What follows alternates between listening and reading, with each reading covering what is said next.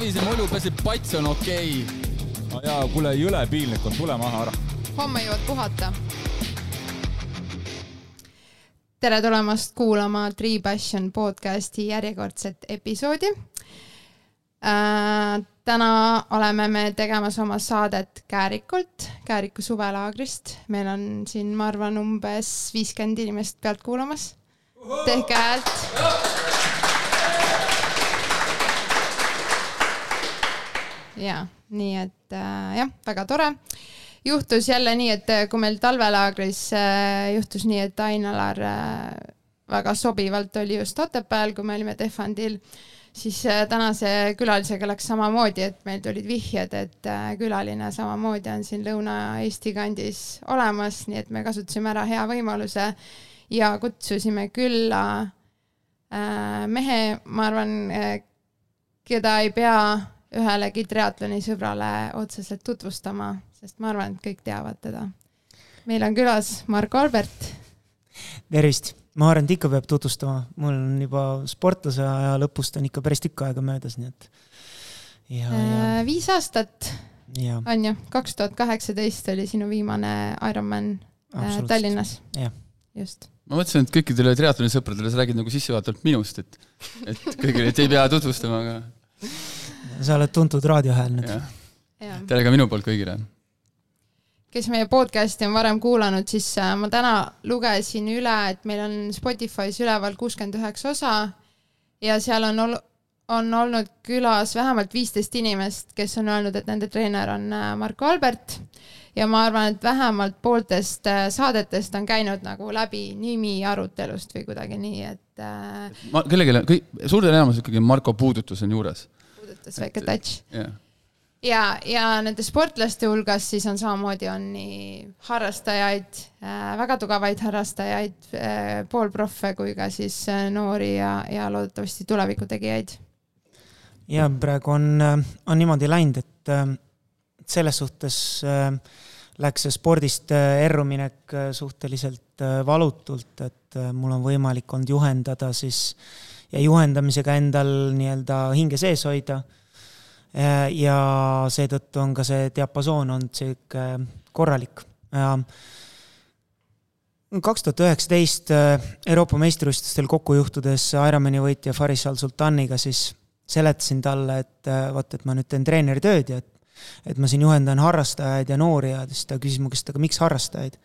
siis ma vastasin talle, et vaata, et minu treeneri töö alles, alles algas ja seda kogemust annab absoluutselt iga inimene mulle, et, et vahet ei ole, et kas ta on kaksteist tundi Ironmani rajal või on ta viis tundi või on neli pool, et äh, iga inimene on eriline ja iga, iga inimene õpetab midagi. ja mul on lihtsalt vaja nagu nii-öelda kiirkursuse järgi jõuda oma treeneri töös, et et seetõttu on ka nagu hästi vägev, et mul on olnud nii palju erinevaid võimalusi, erinevaid kogemusi. kui täna siin äh, külaliste sisse vaadates, siis äh paljudest äh, Eerikul juba välja toodud saate, eelnevatest saatekülalistest, külalistest on ka täna siin istumas, et, äh, et noored, noored vist on käinud äh, jah, peaaegu täiskoosseisus äh, siin. ma mäletan, et kui me ühe esimese osa, ma ei mäleta siis kellega, kas äkki Rinel või ei, kelle, kellega sai esimene osa tüdrukud äkki? jah, jah, võis olla.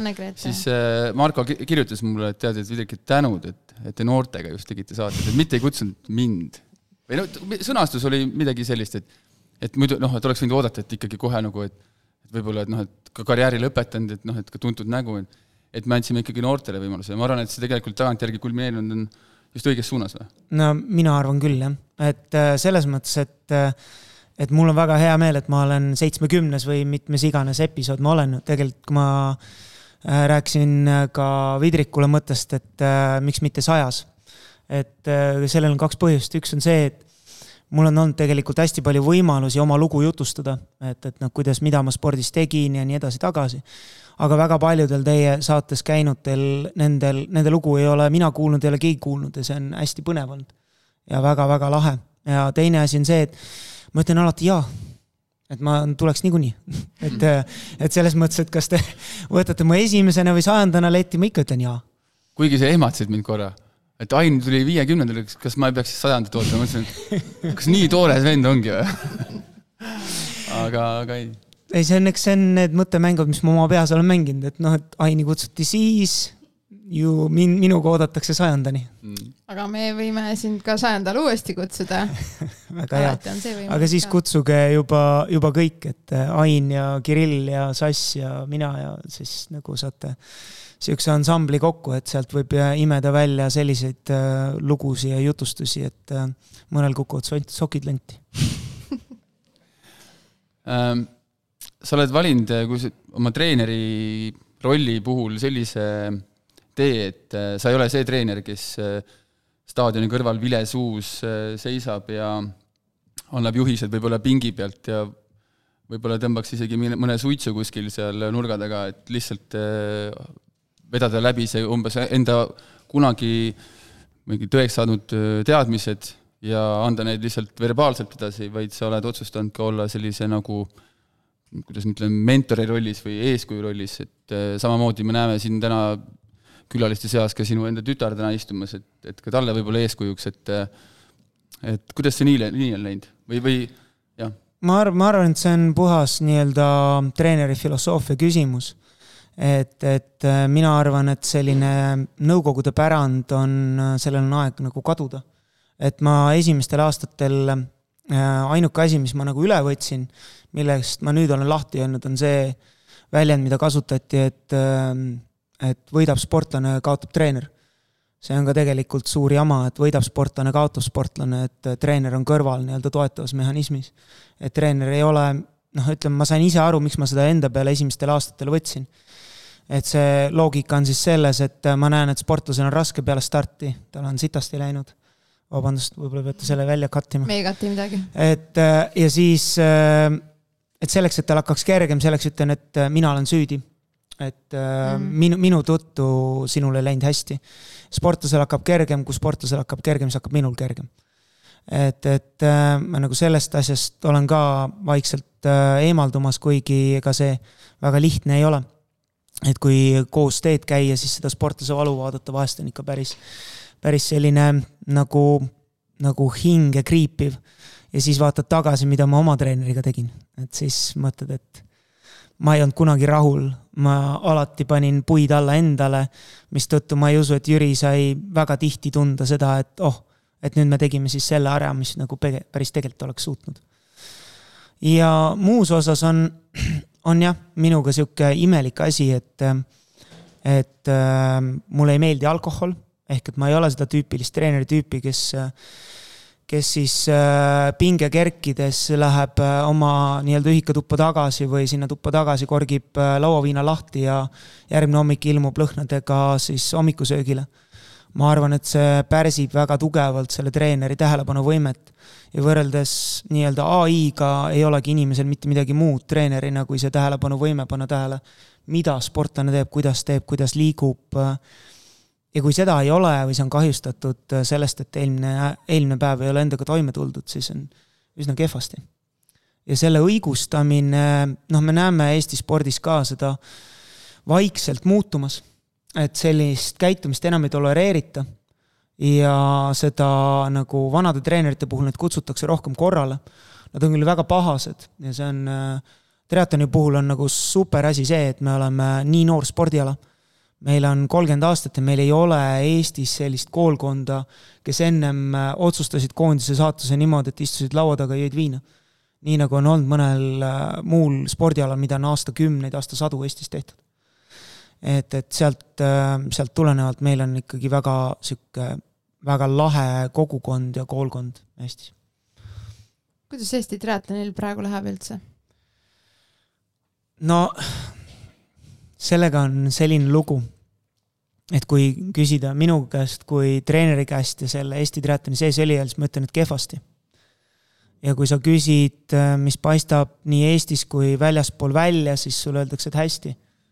Et äh, on noh, tekkinud sellised huvitavad äh, seosed, et treenerid tulevad välisvõistlustel minu juurde, ütlevad, et et te teete midagi õigesti Eestis. ma küsin, mis asja ei tee, et meil on nagu noh, ei, ei ole ju midagi siis ta ei, ei, et kuule, et aastakümneid oli teil siin üks juunior väljas. ja oli üks poiss, üks tüdruk. ja nüüd te tulete võistlusele, teil on neli tüdrukut esimeses pundis. et noh, millest me räägime? et mõtle natukene. ja teine on see, et mõned või tähendab, üks treener esialgu on avaldanud soovi siis väliskoondise peatreener tulla Eestisse vaatama, mis me teeme. et miks see nii on, et me vaikselt ronime. et noh, selles mõttes, kui nii võtta, siis peaks nagu ütlema, et kõik on hästi, aga seestpoolt vaadates ma näen, kui, kui karm on seis äh, noorte treeneritega, noortespordiga ja üldse nagu Eesti spordi see selline kan-, kandepind on, on hääbumas äh, kogu aeg. Mõtlen sellist just nagu noorte, noortespordi kandepinda et see on, see on karm. kas ikkagi on see tunne, et äh, vähe, väheste vahenditega on, on tehtud siiamaani palju ja, ja tuleb ka tulevikus teha? jah, nii, nii ongi, et selles mõttes, et äh, väga suures osas püsib äh, vabatahtliku töö ja entusiasmi peal. et, et see on siis mitte puhtalt ju tegelikult ainult äh, treeneri vaatevinklist äh, või ka abistava personali või tegelikult ka võistluste raames või? ja iga, igal pool jah, igast, igast otsast, no Ain on suutnud tegelikult väga-väga hästi oma osa sellest nii-öelda Eesti triatlonist äh, ellu viia. et ta suudabki teha professionaalsel tasemel professionaalseid üritusi ja minna rahvusvahelisele levelile välja. et see on äh,, ma arvan, et see on väga heal tasemel Eestis. et mm. meie meie karikaetapi korraldus, kohtunike nõuded äh, võistlejatele ja sellised on noh, enam-vähem, et äh, mine MK-le. ja ma, ma olen täiesti nõus sellega. aga kui vaadates, kui mõelda nagu sellele veel, et et Eesti triatloni seis, äh, ma mõtlen nagu selle, niimoodi, et viis aastat tagasi, no ma ei tea triatlonist pikka ajalugu, aga viis aastat tagasi või veidi enam, et stardinimekirjas äh, sportlaste või startijate arv, äh, klubide arv, klubide koosseisu arv, äh, harrastajate kasv, et kui selles vaatevinklis vaadata, siis ma ütleks, et meil läheb hästi. jah, seda küll, noh, vaatame seda ruumi siin, et selles Kas mõttes läheb, läheb, läheb väga hästi, jah. nii ongi, et noh, need, neid pooluseid on nagu erinevad ja äh, ja nagu kui tippspordi prisma alt vaadata, siis äh, noh, tippsporti jõuavad ainult noh, selle nii-öelda püramiidi skeem toimib, et all peab olema tegelasi, kellest lõpuks koondub välja ülemine tipp, meil on niisugune ühtlane vorst alates B-klassist. et, et noh, et, et sealt nagu noh, ei, ei ole, sealt last, peale lasteklassi kaob ära, kuna distants pikeneb ja läheb raskemaks mm -hmm. ja, ja ka noh, seal on muidugi on teine asi veel, et, et siis hakatakse mingile spordialale rohkem keskenduma et see iga sihuke viisteist ongi see, kus nagu võiks või peaks hakkama vaatama mingi kindla spordiala poole. aga kas, ikka küsitakse seda, et, et et, et ma, kuidas ma ei küsita, aga noh, tuleb teemaks see, et, et mis vanuses triatloni hakata tegema, et, et kas, kas, kas kümneaastane võiks hakata triatloni tegema või kuidas see käik hakkaks sealt pihta, et, et jah? no minul on endal selline veendumus, et äh, kahjuks on sõna Ironman ajanud nagu selle asja väga karmiks mm. -hmm. sellepärast, et äh, mul oli just juhtum äh, meie nii-öelda laste ujumisõppetrennis kakskümmend üks CC-s oli oli nagu õpetaja lõpetas hooaega ja siis küsis lastelt ja lastevanematelt, minu viieaastane käib seal, ja küsis, et noh, et, et järgmine aasta tulete tagasi, et kas te teete veel midagi muud, et meil on siin äh, nagu teised trennid veel ja siis üks isa tõusis püsti, ütles, et ei, ei, ei, ei mingit triatloni me küll tegema ei hakka. ja siis, äh, siis kui talle öeldi, et aga tegemist on liikumistundidega, siis oli oot, mis asi, et me nagu liigume ja mängime väikeste lastega. ahah, okei okay,, no võib-olla. et see hirm on jõle suur, et et nii kui tuleb sõna triatlon, nii see on see, et nühivad metsa vahel, tead, ei ole aega nina pühkida ja jube värk, eks aga tegelikkuses on asi midagi muud, et, et meie nagu ülesanne või kõikide noorte treenerite ülesanne on pakkuda võimalikult mitmekesist liikumist. ma usun küll, et jah, et need triatloni lapsed liiguvad võib-olla rohkem kui mõne üksikala äh, treeningus lapsed. aga ongi nagu see rõhksõnal on liikumine, kuna igapäevast liikumist enam lastel ei ole nii palju. autoga kooli, autoga koju, autoga trenni, nii edasi-tagasi, et seda nii-öelda jooksuga bussi peale ja sealt kõnnin, kõmbin trenni ja siis pärast kõmbin tagasi, et seda liikumist on ju vähe. tuleb see päevane liikumine, see autoga kooli, autoga trenni jututeemaks ka sul enda hoolealustega, just noortega ma mõtlen? no oma, oma tütar on kohustuslikus korras, kõnnib rongi peale ja sealt kõnnib töö, kooli. et noh, ei, ei ole midagi teha, peab sinna kõndima, peab tagasi kõndima. muidugi paneb pea peitu praegu seal. ja ei noh, sellepärast, et ta tuleb bussiga tagasi teinekord, sellepärast paneb pea peitu. Aga üleüldiselt on see, on, on see selline teema, millest peaks, mille, millest sa tunned, et sa pead täna isegi noh, enda hoolealuste puhul, noorte puhul ikkagi juttu tegema või, või see, või see nende puhul juba on nagu noh, sealmaal asi no,? ei ole, ei ole nagu iseenesestmõistetav, et peab liikuma, aga paljud noored ikkagi, kes äh, nagu triatloni teevad, on käinud trennis rattaga, käivad läbi mingi igasuguse ilma, tulevad, tulevad kohale rattaga või, või lähevad, kõnnivad pikemalt pärast, et äh, et see on kuidagi, noh, see seltskond, kes kokku tuleb lõpuks sinna noortetrenni, on ikkagi, kõik on peast kergelt soojad. Et noh, see on see asi, mis meid äh, ühendab, eks et, et sinna ei, ei tulda nagu, teine, teine sõna tegelikult, mis selle noortetrenni puhul väga nagu lahe on see, et sa ütled triatlon, siis äh, paljud inimesed kohkuvad nii ära, et nad ei tule kohale. aga need, kes tulevad kohale ja need, kes nagu jõuavad sinna, need lõpuks tahavad ka. ja see on selle, selle tõttu on jälle minu töö nii palju kergem. ma ei pea mitte kellelegi ütlema, et kuule, palun ole hea nüüd, alusta selle trenniga. ei pea, kava on siin, kuule, minut on läinud juba, mis teed siin ääre peal et selle võrra lihtsam.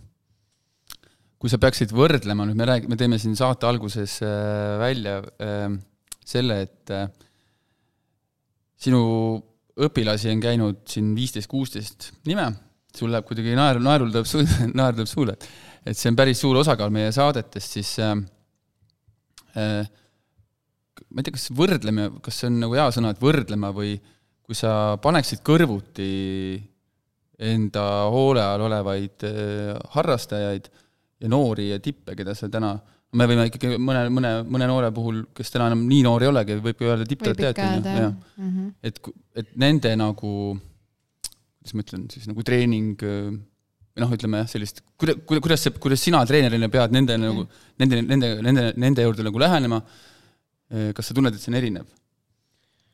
Äh, no kindlasti on natukene erinev, et meil on selle klubilaagriga kevadel on õnnestunud äh, harrastajaid ja noori nii-öelda kokku ühte, ühte ruumi ka panna või noh, ühte nii-öelda keskkonda. Ma olen üritanud neile nagu näidata, mismoodi nii-öelda need tippharrastajad asjadesse suhtuvad. et selles mõttes, et äh, kui te tahate sama heaks saada kui Jussi Apivaala, siis tehke järgi, mida see vend teeb. ja mitte see, et ta teeb nüüd trenni, vaid kõik see, mis ta sinna ümberringi teeb et, et see, kuidasmoodi tema näeb vaeva, kuidas ta on asjad paika pannud ja see ei ole lihtne.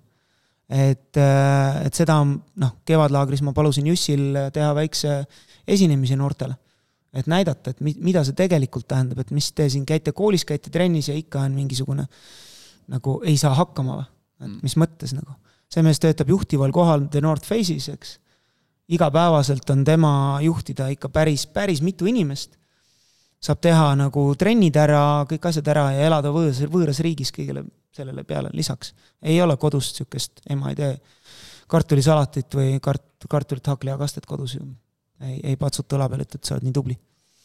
ma arvasin, et see vastus tuleb vastupidi, et äh, harrastajad, vaadake, mis noored teevad ei, ei ole kusjuures, ei ole, ei ole kusjuures, et see noortel, nad õpivad vaikselt ja mõni saab paremini endaga hakkama ja mõni on distsiplineeritum ja, aga nende, ma arvan, et äh, Timmo ja, ja, ja siis äh, Jussi Apivala näited on nagu väga-väga head neile nagu kõrvalepanemiseks, et, et on veel minna tegemist tegelikult on äh, üsna äärmuslike harrastajatega, ma ütleks, et on no,, on, on. et äh, ma olen ka harrastaja, ma arvan, nagu täitsa okeil tasemel ja, ja ma vaatan Timot, siis ma ikkagi arvan, et äh, no kuskilt maalt ma nagu tõstan käed üles, et, et kõike, et, et võib-olla tema puhul on hea koht see, et öelda, et, et tal on munad nii ühes korvis lihtsalt, et kõik on lihtsalt nii spordi peale suunatud. kõik või mitte midagi. jah aga nii, nii praegu on, aga selles mm. mõttes, et äh, siin tulengi mängu mina, et kui, kui tal ei oleks kõiki mune ühes korvis, siis poleks ka mind tema kõrval. ma arvan, et siis ta saaks oma treenimisega ise jätkuvalt hästi hakkama. mida ta eelnevalt tegigi? jah, mida ta tegi, pikalt mm. -hmm. aga jah, ma tooksin harrastajate nimedest välja Maria Jänese, et äh, ta on inimene, keda mul on nagu, mul on, ma võin öelda, et mul on au teda teada ja ta on minu arust üks selline inimene, kes samamoodi läheb äh, alati lõpuni välja ja küsimus, et kas tahan või ei taha, tema alati tahab, et kui sa Maria juhendamisele tagasi mõtled, kuidas see sinu jaoks oli, sa olid siis tegelikult, oligi, see oli see periood, kus sa olid ju küllaltki värske, värske, värskelt nagu treeneriametisse asunud? no Mariat ja tema treenimist iseloomustab kõige paremini lause, mida ta on öelnud. hakkame varem trenni tegema, saab rohkem teha. Et, et ja, ja nii ongi. et see, selles mõttes, et ma Mariale kunagi ütlesin, et tead, et sinuga on jube raske. et sinu treeningpiks on kogu aeg roheline et kui ma nagu midagi valesti panen, siis nagu mm, et sina teed ju ära. et, et see läbi halli, halli kivi minemine, see oli jah, see oli imetlusväärne, mismoodi ta seda tegi ja ja noh, kokkuvõttes äh, ta tegi need asjad ära, mida ta tahtis teha, et see toimis suurepäraselt. Et nii Hawaii tulemuse kui ka siis selle praegu kehtiva Eesti tipptulemuse. sa äh, ütlesid ka, et sa pead äh, natuke ennast äh siis nagu just nagu järele aitama treenerile, see on see akadeemiline haridus, mis just erialaselt äh, hetkel puudu on, siis äh, ja kes pakub, mis on minu äh, bakalaureuse haridus? sisekaitseakadeemia mingi seadused kohtueelne uurimine on. Kuidas sul sellega? on ment kes on ainult töötanud kolm kuud praktika raames Keskkriminaalpolitseis aga miks sa sellega piirdus? Ähm, ma läksin, mind täpselt samamoodi nagu Timmo all in sporti peale ülikooli lõpetamist ja järgmist korda ma läksin kooli peale Pekingi olümpiat. Ma olen näinud, et sa oled äh, öelnud või kirjutanud endast kui treenerist siis, et kui sa alustasid, sa panid endale katseaja. mis äh, värk sellega on? noh, no eks see on see, see on see selline nagu isiksuse omaduse nagu, kuidas ma ütlen, isiksuse vead või augud või et äh, ei saa midagi tehtud niimoodi, et ei oleks seatud eesmärk. Ja, ja need ma kirjutasin oma, oma nii-öelda esimese treening, treeneri päeviku siis äh, viimasele lehele. ja, ja siis ma viie aasta pärast vaatasin, et mis ma olen siis ära teinud või ei ole ära teinud no kõik, äh, kõik eesmärgid peale ühe on, äh, on tehtud. aga üks on jäänud, ei, ei ole suutnud, siis ma andsin endale veel noh, sellise armuaja veel kolm aastat.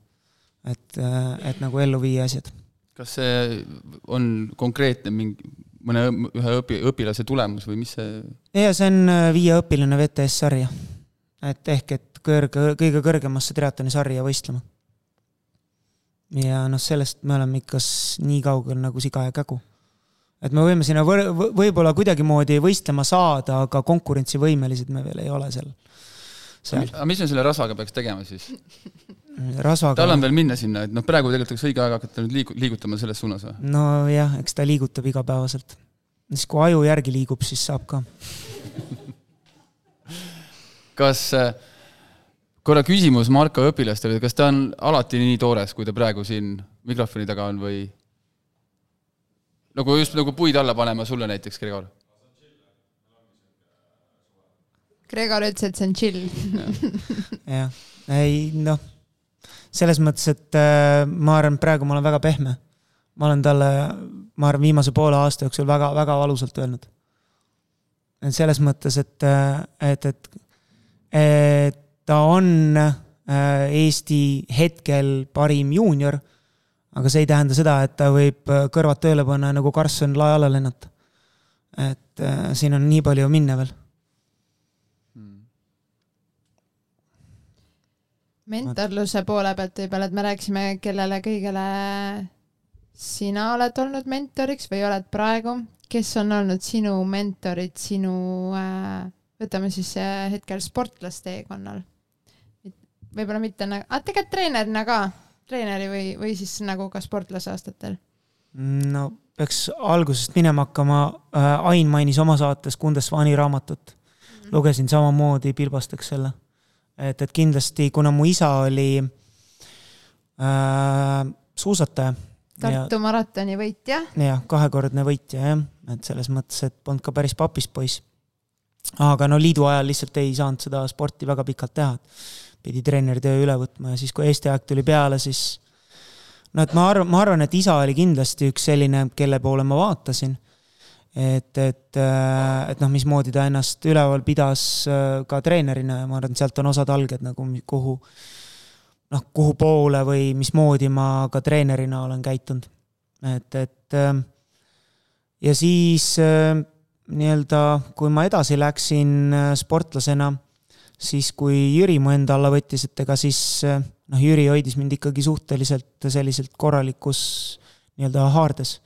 Et, et meil on siiamaani selline väga, väga hea äh, suhe äh, selles mõttes, et, et tema on nüüd jätkuvalt minu mentor.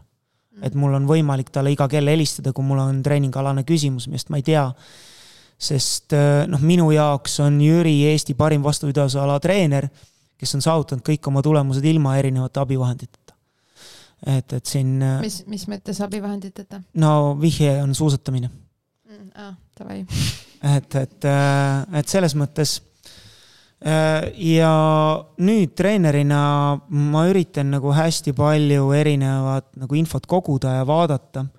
aga mulle nagu selles mõttes Tryhardsi algena on alati sümpatiseerinud, mismoodi selline teratoni treener nagu Joel Filliol on tegutsenud et antud hetkel on ta siis äh,, Austraalia ostis ta endale Brisbane'i olümpiaks nii-öelda koondist ette valmistama, aga pikka aega oli tal lihtsalt üks rahvusvaheline grupp. ja see rahvusvaheline grupp koosnes nagu eranditult äh, maailma esikahekümne meestest. et kuidasmoodi tema suutis äh, sellised egod ühe mütsi all igapäevaselt treenima panna, on lihtsalt imetlusväärne. ja mulle ka meeldivad nagu selles mõttes tema need põhimõtted et esimene selline tore põhimõte on, ma ütlen, lähen inglise keele peale üle, et, et um, variety is for the weak-minded, repetition is king. ehk et äh, kui sa tippspordis tahad variatiivsust või uusi või toredaid ärritajaid, siis tippsport ei ole sinu jaoks. et siis sa võid teha midagi muud. ja teine on, äh, et ei ole küsimus selles, et kui palju peab tegema kvali-, kvaliteettööd. Et küsimus on selles, kui palju kvaliteettööd sa suudad, teha ära võimalikult suure kvantiteedi sees. ehk et, et maht peab olema ja selle sees see intensiivsus sõltub siis lihtsalt sportlase tasemest, grupi tasemest. et, et selle poole püüelda, selle võimalikult suure intensiivsuse, võimalikult suure mahu sees ja järjepidevuse hoidmisel selle juures. et see on, need on nagu sellised nagu mõtted ja ta noh, tal on tal on kirjutatud paar sellist nagu hästi lühikest mingit raamatujuppi ka, et kuidasmoodi ta ehitab üles või ehitas üles oma kogu selle rahvusvahelise seltskonna hooaega ja kuidas ta neid äh, periodiseeris ja, ja kuidas see on aja jooksul muutunud. et, et see sealt ja äh, ütleme niimoodi, et ma äh,, ma olen selles suhtes nagu Eesti selles võib-olla treenerisüsteemis nagu tõsiselt pettunud, et et, et äh, ma oleks tahtnud, et mul oleks Eestist ka olnud keegi. niimoodi, et ma mitte ei pea ise otsima, vaid nagu soovitatakse, et kuule, et äh, näed, Jaak Salumets siin räägib sulle, kuidas, kuidas ta nagu, kuidas tema pani tööle asjad või nagu toimetas. et, et, et selline Eestis, Eesti süsteemis on mentorisüsteem on puudu. lihtsalt ei, ei eksisteeri, et kui on selline natukene rohkem tulemusele orienteeritud inimene, kes läheb treeneri tööle peale oma tippsporti, siis ta tegelikult vajab nagu sellist äh, väga tugevat äh, tuge. aga seda, seda ei ole, nüüd ma enam noh, ma tunnen, et ma sellest olen nagu välja kasvanud juba, ma olen oma nii-öelda kasvuraskused läbi elanud. Ähm kui sa mõtled nagu e-, enda tippspordi või üldse enda karjääri peale tagasi, sa just ütlesid mentorlus, see, äh, täna on väga niisugune läbiv teema on mental coach ehk siis selliste just raskuste poole, noh, ütleme, et raskuste, ütleme, kuidas sportlane peab noh, ühe, ühesõnaga, tal on niisugust kõrvalist abi vaja. sa ütlesid, Jüri sinu jaoks oli, noh, on tänaseni ees, kas, kas sinul oli temaga treeneri puhul võimalik kõigest rääkida? oli, need, need olid ükstapuha, mis teema puhul sa võisid temaga need asjad läbi lahata ja sa said seda abi või jah? no ma olen aeg-ajalt rääkinud seda lugu, kuidas kahe tuhande üheksandal aastal, kui mul oli äh, tehtud üks jalaopp ja mu jalg ei olnud, või oli see kaks tuhat üheksa oli see. ja ma oleme Kalevi ujulas duši all, seal on näod vastamisi niimoodi ja ma küsin Jüri käest, et kuule, et mis sa arvad, et äkki see ongi kõik, mis ma võin äh, triatlonile anda. ja kuna see vastus tuli ei, tuli poole sekundiga, siis ma läksin veel üheksa aastat edasi et noh, see ilmselt vastab sellele nagu küsimusele. tal võis olla juba see vastus, mis iganes see Albert nüüd küsib, vastus on ei ja ei, ta vahest, vahest ütleb jaa ja vahest isegi naeratab. et äh, ma tean, et äh, rahvas on teda ükskord äh, rõõmsas tujus hommikuses trennis näinud ja see oli siis, kui ma Uus-Meremaa Ironmani võitsin. et siis see toimus hommikupoole ööd ja siis ta ei olnud veel jõudnud maha jahtada, kui ta trenni jõudis üldiselt ta ei ole siis suur naerataja? Ei, ei ole, ei ole. aga emotsionaalselt, on ta emotsionaalne mees? ei ole, ei absoluutselt. selles osas on natuke raske ju või ikka päris raske on nii ju? no ei, ei ole tegelikult. või kui õpid tundma piisavalt, siis tegelikult sa juba tead, mis tegelikult seal sees toimub, lihtsalt välised eh, instinktid ja nii edasi või? no jah, noh, selles mõttes, et sa saad aru ju ikkagi, kui tema on, tema on rõõmus, et see ei tähenda seda, et ta jookseb eh, ringi ja kallistab ja. see ei tähenda seda, et ta naeratab. jah, jah, noh aga aga praegu vaadates sind erinevalt, siis sina ikkagi lõpetad nagu teise tee, et sina oled ikkagi siuke naeratav treener. sa ikka naeratad jah? ja, ja, ja, ja ma am the smiling killer nagu. et, et selles mõttes, et vaikselt, aga selles mõttes mulle, kui ma käisin, noh, Jüriga oli mul selles mõttes hästi usaldav suhe algusest peale, kuna tema võttis selle suuna, et et tema treenerina õpilaste raha ei raiska, see tähendab, et ta käis mul kaasas kolmel võistlusel, äh, kahed olümpiamängud, ühed Euroopa meistrivõistlused. ülejäänud kordadel ma olin üksi. et äh, see tähendab seda, et ta õpetas ja kasvatas mind üksinda hakkama saama. ja, ja ja, ja tegelikult äh, mida rohkem ma ringi käisin ja rohkemate maailma treeneritega kokku sain, seda rohkem ma sain aru, kui palju minul on vedanud mul oli treener, kes nagu tegelikult hoolis, mitte ei teinud uhuhu ahahaa, vaid kes tegelikult hoolis, kuidas mul läheb ja kes tegelikult oli siis lennujaamas, kui ma nagu totaalselt põrusin. sest siis, kui läks hästi, siis oli lennujaam täis mingid lilled, uhuhu, šalala. ja siis, kui läks sitasti, siis oli ainult Jüri mm.. vahel viis koju ka. mitte kedagi teist ei olnud, kedagi ei huvitanud. Et see, selles mõttes on spordi tegemise selline nagu tore ilu ja võlu, et, et siis, kui on, minu arust nimetas Andrus Värnik hästi selliseid inimesi, need on idud et siis, kui läheb hästi, siis on idusi jube palju. ja siis, kui läheb kehvasti, siis nad kõik kaovad ära. kohe. enam ei ole, no Värniku nad imesid täitsa tühjaks, sellest on ainult kest järgi jäänud. jah. aga ega ta nii ongi, ega siis nii, kui sind saadab edu, siis on kõik sinu sõbrad, aga ühel hetkel, kui on rasked ajad, siis pead vaatama vaatame omaette. jah, no nii, nii on, et mida, mida kiiremini sa aru saad, et see niimoodi on, seda, seda parem ja ma arvan, et äh, mu enda nagu teadmine aitas kaasagi noh, nagu nii, nii pikale siis spordi, spordis olemisele, spordikarjäärile. sa käisid, sa ütlesid, et sa käisid hästi palju üksi ringi, reisisid, võistlused, laagrid, nii edasi. Äh, kui palju sul tekkis niisugust suhtlusringkonda üle maailma, tutvusi, sidemeid ja nii edasi? ja kui palju nendest siis tänaseks on veel jäänud, äh, kellega saab kontakti võtta? kui sa läksid näiteks Uus-Meremaale kes või mis sind seal ees ootaksid, sa oled Uus-Meremaa Ironmanil sangar olnud? no mind öö, ootab ees see, et ma ei pea mitte ühtegi hotellituba võtma, kui ma sinna lähen. et, et ma võin, mul on tuttavaid ja neid inimesi, kellega ma seal kokku olen puutunud äh, piisavalt palju, et ma võin, võin küsida, kui ma tahan, kui ma vajan seda ja noh, neid inimesi ikka on et äh, selleks, et raha säästa, ma reisisin väga palju sellise asja peal nagu homestay. et äh, mind majutati oma kodus, et ma olen olnud igasugustes kodudes, nagu reaalselt. Ma olen olnud äh, Lõuna-Aafrikas kahe miljoni euroses majas vaatega golfirajale. noh, see oli gated community, see oli ainuke nii-öelda koht, kus ma tundsin ennast natukenegi turvalisemalt. ja ma olen olnud mingis poolrenoveerimisjärgus olevas majas Syracuse'is allkeldris piljardilaua kõrval. et kõik on olnud seal, kus nagu keldris on niisugune nagu konkreetne keldri õhk ja lõhn. Et, et, et noh, on olnud nii-öelda igasuguseid variante ja erinevate perekondadega olen nagu erinevalt suhtlema jäänud. et, et üks selline Kanada perekond, kes majutas mind Newfoundlandi saarel. pärast seda kolisid nad Toronto lähedale. Nende perepea kahjuks suri, nüüd on sellest vist kaheksa aastat tagasi. ja kui ma teada sain, et tal on vähk, siis ma tegin oma lennuplaani ümber, ostsin uued piletid, et minna teda vaatama, kui ma Arizona nii-öelda Ironmanilt koju läksin. ja õigesti tegin, sest äh, see mees viis veel oma, oma viimase tütre altari ette järgmise aasta märtsis ja siis oli nädala pärast kõik.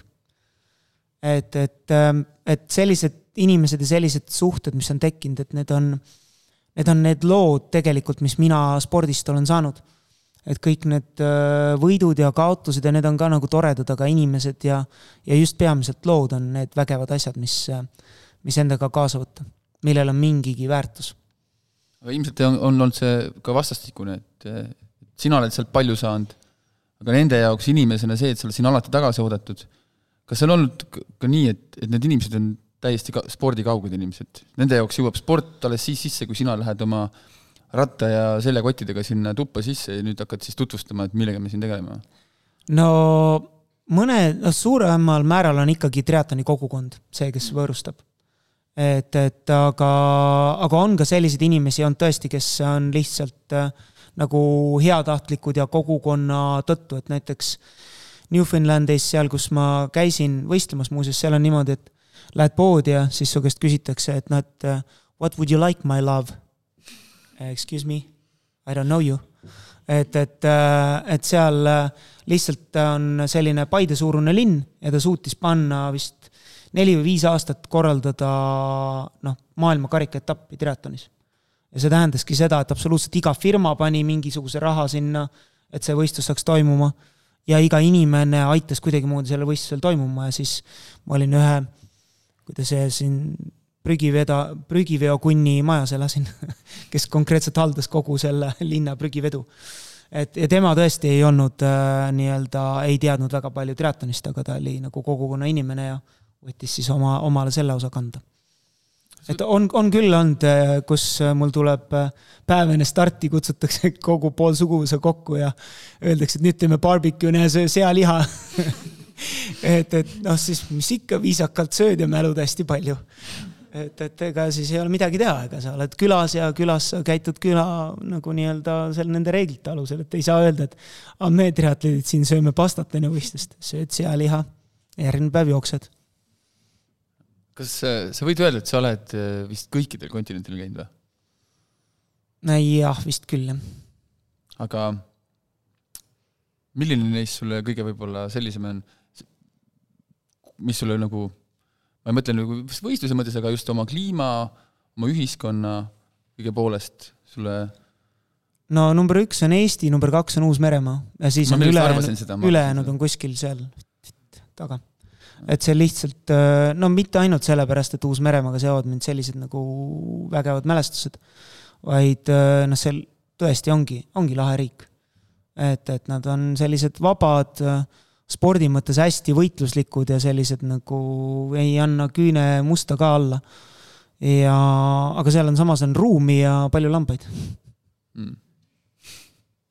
et lihtsalt äh, nagu selline nagu on sama, samasugune tunne, nagu meil kodus on siin, kui sa siit sõidad äh, Sifa poole, et siis on noh, metsad on vahepeal. ei ole kogu aeg maja majas kinni, et, et, et sul on niisugust nagu õhku ja vabadust mul üks hea sõber Mati ütles, et kuule, millal sa viimati ratas sõitis lehmasi nägid? siis ma ütlesin, mis asja, et neid ei pea iga kord, ei ole, et meil ei ole enam äh, väikseid farme, meil on kõik suurfarmid, lehmasi ei näe enam, need on seal farmis sees. Mm.. et ei meil ei ole enam, meil ei ole lambaid ja lehmasi niimoodi vabalt pidada. noh, peab vaatama paremini. Aga sinu tänased noored ju ei reisi nii, nagu sina reisisid, et äh, kuidas sa tahad, et neil see oleks või on? võib-olla sellel äh, rasval olekski niisugust keldrinädalat vaja või? reisida üksi natuke, jah noh, ma ei tea, äh, kindlasti esimese hooga jookseks kokku, aga siis võib-olla äkki saaks ikka hakkama. et nii palju on teda siin trügitud. sinna suunas, kus võiks olla. aga üleüldiselt need tingimused tegelikult, et need, äh, võima, need võimalused just? no selles mõttes, et noortega, alaealistega tuleb kaasas käia, et see mm. nii on, et mina jõudsin ju triatloni juurde peale keskkooli lõppu. et ma ennem olin ujuja ja siis hakkasin tegema. et, et ja alguses olid mul teised sportlased kõrval et mul oli alguses olid, olid Hardi Randmaa ja laagrites sai käidud ka nagu, aa, ma mentorite osas täiesti unustasin ära Kirill Litovtšenko. tema oli minu, minu mentor triatlonis, tema õpetas mind rehvi vahetama, tema õpetas mind nagu toimetama. Ja tema õpetas mulle arusaamasi. üks äh, lause oli väga tore enne võistlust. Marko, ära mõtle võistlustele, mõtle lilledele ja liblikatele. kõrvuti voodis nende, ahah, okei okay ma pean nüüd lilledele ja liblikatele mõtlema. Teie, teie ajastu, tema lõpetas? Äh, kaks tuhat kolm minu arust. jaa, see on ikkagi, ikkagi mingi päris ühel võistlusel vist ilmselt osaleda ei saanud? ei, me osalesime küll, ma enamusel, enamustel kordadel sain tappa mm.. ja kui mina ei pidanud seda aru, arutelu, kumb rohkem võitis või kaotas, siis tema pidas mm. -hmm. sest ma mäletan, et viimane kord, viimasel aastal me tegime koos äh, olümpiadistantsi ja ma suutsin äh, ujumise ja ratta alguses ennast nii kasti tõmmata, et äh, ta jooksis must mööda. ja siis peale võistlust ta tuli ja ütles mulle viis-kaks mm,. okei aga siis ma ei saanud neid võimalusi väga paljudele rohkem pähe teha. aga üldiselt on ju ikkagi nii, et arvestus peavad selliste asjade üle nõrgemad jaa, no aga tema oli tugevam aga kui minul on mõni sõber, kellel, kes on minust tugevam, siis mina pean seda arvestust, tema ütleb mida sa jageled nagu, mis arvestus see on, me oleme ju sõbrad. jah, ma arvan, et mingid inimesed peavad arvestust selle, et kui, kuidas ja kus kohas saaks Marko Albertile pähe teha. Meil on terve laager, terve klubi on lihtsalt kõik trennid kuidas saaks vidrikult selle Kääriku sildi lõpus nagu pähe panna. nojah. tegelikult ka on nii või? ma mõtlen, miks mind iga trenni lõpp karpi pannakse, peab muru peal sõitma no see on see, et, et unistamine ei maksa midagi, eks. okei okay,, ma edaspidi olen, olen natuke valvsam aga, aga sa tõidki ennem välja siin äh, Kirill äh, ja Aleksander. Teil oli palju neid äh, võistlusi ja käike, selles mõttes, et ühe ajastu mehed, et no tegelikult natuke ei, ei olnud, sellepärast et Nemad vist omavahel rohkem, jah? nemad kasvasid niimoodi, et mina valmistusin äh, Pekingi olümpiaks, ma kaks talve olin ära Austraalias. olin, olin konkreetselt Austraalia koondise peatreeneri juures ja tema grupiga tegin trenni. Ja samaaegselt siis Kirill ja Sass hakkasid vaikselt kasvama nii-öelda välja oma juunioriajast. ja siis äh,, siis nad käisid äh, omaette laagris. et sellest võib, ma arvan, Priit Sauna jutte rääkida, mismoodi seal mõned vennad käitusid äh,. ma ei pea Kirilli Sassi silmas ja siis edasi läks niimoodi, et Sass läks, võttis nagu minu koha üle maailma karikasarjas ja mina läksin siis poolpikale, täispikale. Ja Kirill äh, pendeldas seal nagu natukene nagu vahepeal, et jaa, ma olin nendega koos ja ma natukene nagu kasvatasin järg, järgnevat põlvkonda. aga me väga palju niimoodi üks-ühele ei saanud võisteldud. korra ma sain nende käest ikka tõsiselt tappa ka, see oli vist kaks tuhat üheksa Eesti meistrivõistlused kui mul oli, noh, seis oli, seis oli kehva ja siis ma sain mõlema mehe käest tappa, aga see jäi ka ainukeseks korraks. aga üleüldse ka Priit samamoodi, te olite ju mingil ajal. Jaa, Priit, kes teab Priidu hüüdnime? Alt. ei, kes teab Priidu hüüdnime, kui Priit oli noor triatleet? ütle kõrva sisse parem. ei, see, see mul, selle... mul oleks mingi väike sihuke nagu võti tema vastu. aga see ei ole üldse halb nimi, ta oli Junga. kuna ta oli kõige noorem meil et, et selles mõttes, et Priit kasvas ka äh, meiega koos. et käis ja tegi. kurat, mina talle Junga ei julge öelda ma arvan, et sina ei saagi öelda, et, saa, et äh, saame öelda ainult Ain ja mina põhimõtteliselt, et ega kellelgi teisel seda nii-öelda õigust ei ole. aga rääkides sellest, siis äh, kunagi oli äh, triatloni algusaegadel olid kõik äh, tugevad triatledid tursad ja siis oli selline asi nagu tursaeksam. Ja siis eh, noh, mina olen esimene vend, kes seda ei teinud, noh, võib-olla ka ennem rääkisime nagu treeneri põlvkonna erinevust, ka sportlase põlvkonna erinevus. et tursaks said sa siis, kui sa Lucky Luke'i ees olevas basseinis ujusid edasi-tagasi peale pidu. siis said tursaks. ja kui Lucky Luke ei ütle midagi, siis linnahalli katuse purskkaevus. pidid ujuma edasi-tagasi. et, et mina seda eksamit ära ei teinud, et aga noh, sellel on ka oma põhjus, et äh, oli Estonia ja sellega läksid, läks osa meie triatloni ajaloost äh, põhja. Mm.. et jah, nii oli. Kui me nüüd äh, sportlaskarjääri juurde veel tagasi tuleme, sa mainisid juba Uus-Meremaad, mis on veel üks või mitu sellist hästi magusat äh, võitu või olukorda või võistlust, mis sulle meenuvad? no üks on ähm, seitsekümmend punkt kolm Victoria, see on siis Victoria on äh, Vancouverist praamisõiduga Victoria Islandile üle minna. Ja seal selline noh, niisugune keskmise suurusega rinn, et seal on Kanada olümpiakeskus ja Kanada sõudmise olümpiakeskus. Ja ja ma läksin sinna poolpikka tegema ja sellega oli niimoodi, et äh, ma kunagi kirjutasin blogisse ka, praegu keegi häkkis mu blogisse ja siis ma võtsin selle maha. Et äh, see on kuskil täiesti olemas, võib-olla saab kunagi jälle uuesti üles, on see ühe võidu äh, kronoloogia, kus ma iga nädal kirjutasin üles et mis, mis nagu toimus, sellepärast et äh, kümme nädalat enne seda võistlust või kaheksa, ma ei mäleta, oli see täiesti lootusetu, et ma millegagi hakkama saan. ma olin nagu täiesti kott. ja siis ma tegin trenni ja mul aeg-ajalt käis sõber Helgar käis trennis kaasas. ja, ja, ja ma mäletan väga-väga nagu põgusalt vist mingisugune neli või viis nädalat enne võistlust toimunud jooksu äh, Harkus, kus ma jooksin ja ütlesin, et tead, et ma tunnen, et ma panen selle võistluse kinni. aga mul ei ole mitte midagi sulle ette näidata, et ma olen nii kott praegu, aga ma tunnen, et see juhtub. ja lõppkokkuvõttes see juhtuski, et, et selline uskumatu asi, et sa lendad äh, Helsingi, Seattle oli mul vist lend või oli London, Seattle, sinna täitsa teisele poole lendad, jõuad kohale ja ei ole üldse väsinud. et tavaliselt ma poolsurnud, kui ma sinna jõuan. üldse ei olnud väsinud, võeti vastu tuttavate poolt, majutati kõik oli lihtsalt nagu nii suurepärane. ja võistluspäeva hommikul oli nii, et õhutemperatuur oli vist kas kaheksa kraadi või kümme kraadi, no ühesõnaga suhteliselt jahe. aga veetemperatuur oli kakskümmend kraadi. Ja minul nagu suurema mehena ei olnud sellega mingit probleemi. et ma ujusin ära kiiresti, ronisin välja ja siis hakkasime sõitma, ma sõitsin mingi Uus-Meremaa vennaga koos. siis alguses vaatasin, et vot, et tempo on päris niisugune nagu asjalik, et ma ei hakka midagi tegema aga siis ühel hetkel tundsin, et noh, et nüüd on vist aeg äh, minna. ja tegin äh, tšau pakaa ja hakkasin üksi sõitma. ja siis äh, circa kümme kilomeetrit enne lõppu oli, enne ratta lõppu oli selline mingi, võis olla kahe poole kilomeetrine mägi ja seal üleval pöörasid ümber, tulid alla tagasi.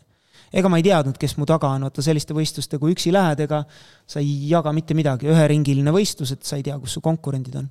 ja siis ma sain esimest korda aimu, et oh et konkurendid on kuskil, noh, ma selle arvutasin, lugesin sekundeid, kui ma mäest alla tulin, et konkurendid on mingisugune äkki mingi kaks pool, kolm minutit maas. ja siis ma sain aru, et noh, et nüüd on, nüüd on see hetk, et kas kõik või mitte midagi. Siis ma panin selle ratta lõpuga veel mingisugused kolm mintsa juurde. et lihtsalt panin hullu. ja hüppasin maha ja oli kaheringine metsajooks, vot tihti Ironmanidel meil on, need on linnakeskuses, need on niisugused noh, lihtsalt steriilsed jooksud, jooksed mööda kõnniteed. aga see oli konkreetselt ümber järve metsatee ja siis, äh, mis tähendas seda, et ma olin nagu, ma arvan, et kui ma olin ees mingisugune nelikümmend, viiskümmend sekundit kellestki, siis ikkagi mind ei nähtud. et ma olin nagu out of sight, out of mind. Ja ma panin selle enda kasuks nagu tööle, et ma lasin küll esimese ringiga ühe kanadalasel järgi võtta üle kolme minuti, aga siis, äh, siis ma nagu suutsin lõpuni hoida ja lõpus oli vahe pigem läks äh, nagu, mis oli, seitseteist kilomeeter, kui ma teda nägin, võis olla mingisugune äkki minut või natuke peale, siis ma teadsin, ma pean neli, neli kilomeetrit ära hoidma veel. ja lõpus oli tegelikult kaks minutit, et see vend kaotas lootuse. Aga see oli just selline, selles mõttes hästi eriline, et et mul tekkis kuskilt mingisugune usk, mida ma ei osanud seletada ja sellel ei olnud ratsionaalset seletust trennide põhjal. et see ei olnud, ei olnud kuidagipidi nagu mõeldav või võimalik, aga, aga kuskilt see tuli ja, ja selle nii-öelda lõppkokkuvõttes elluviimine, see oli väga-väga magus.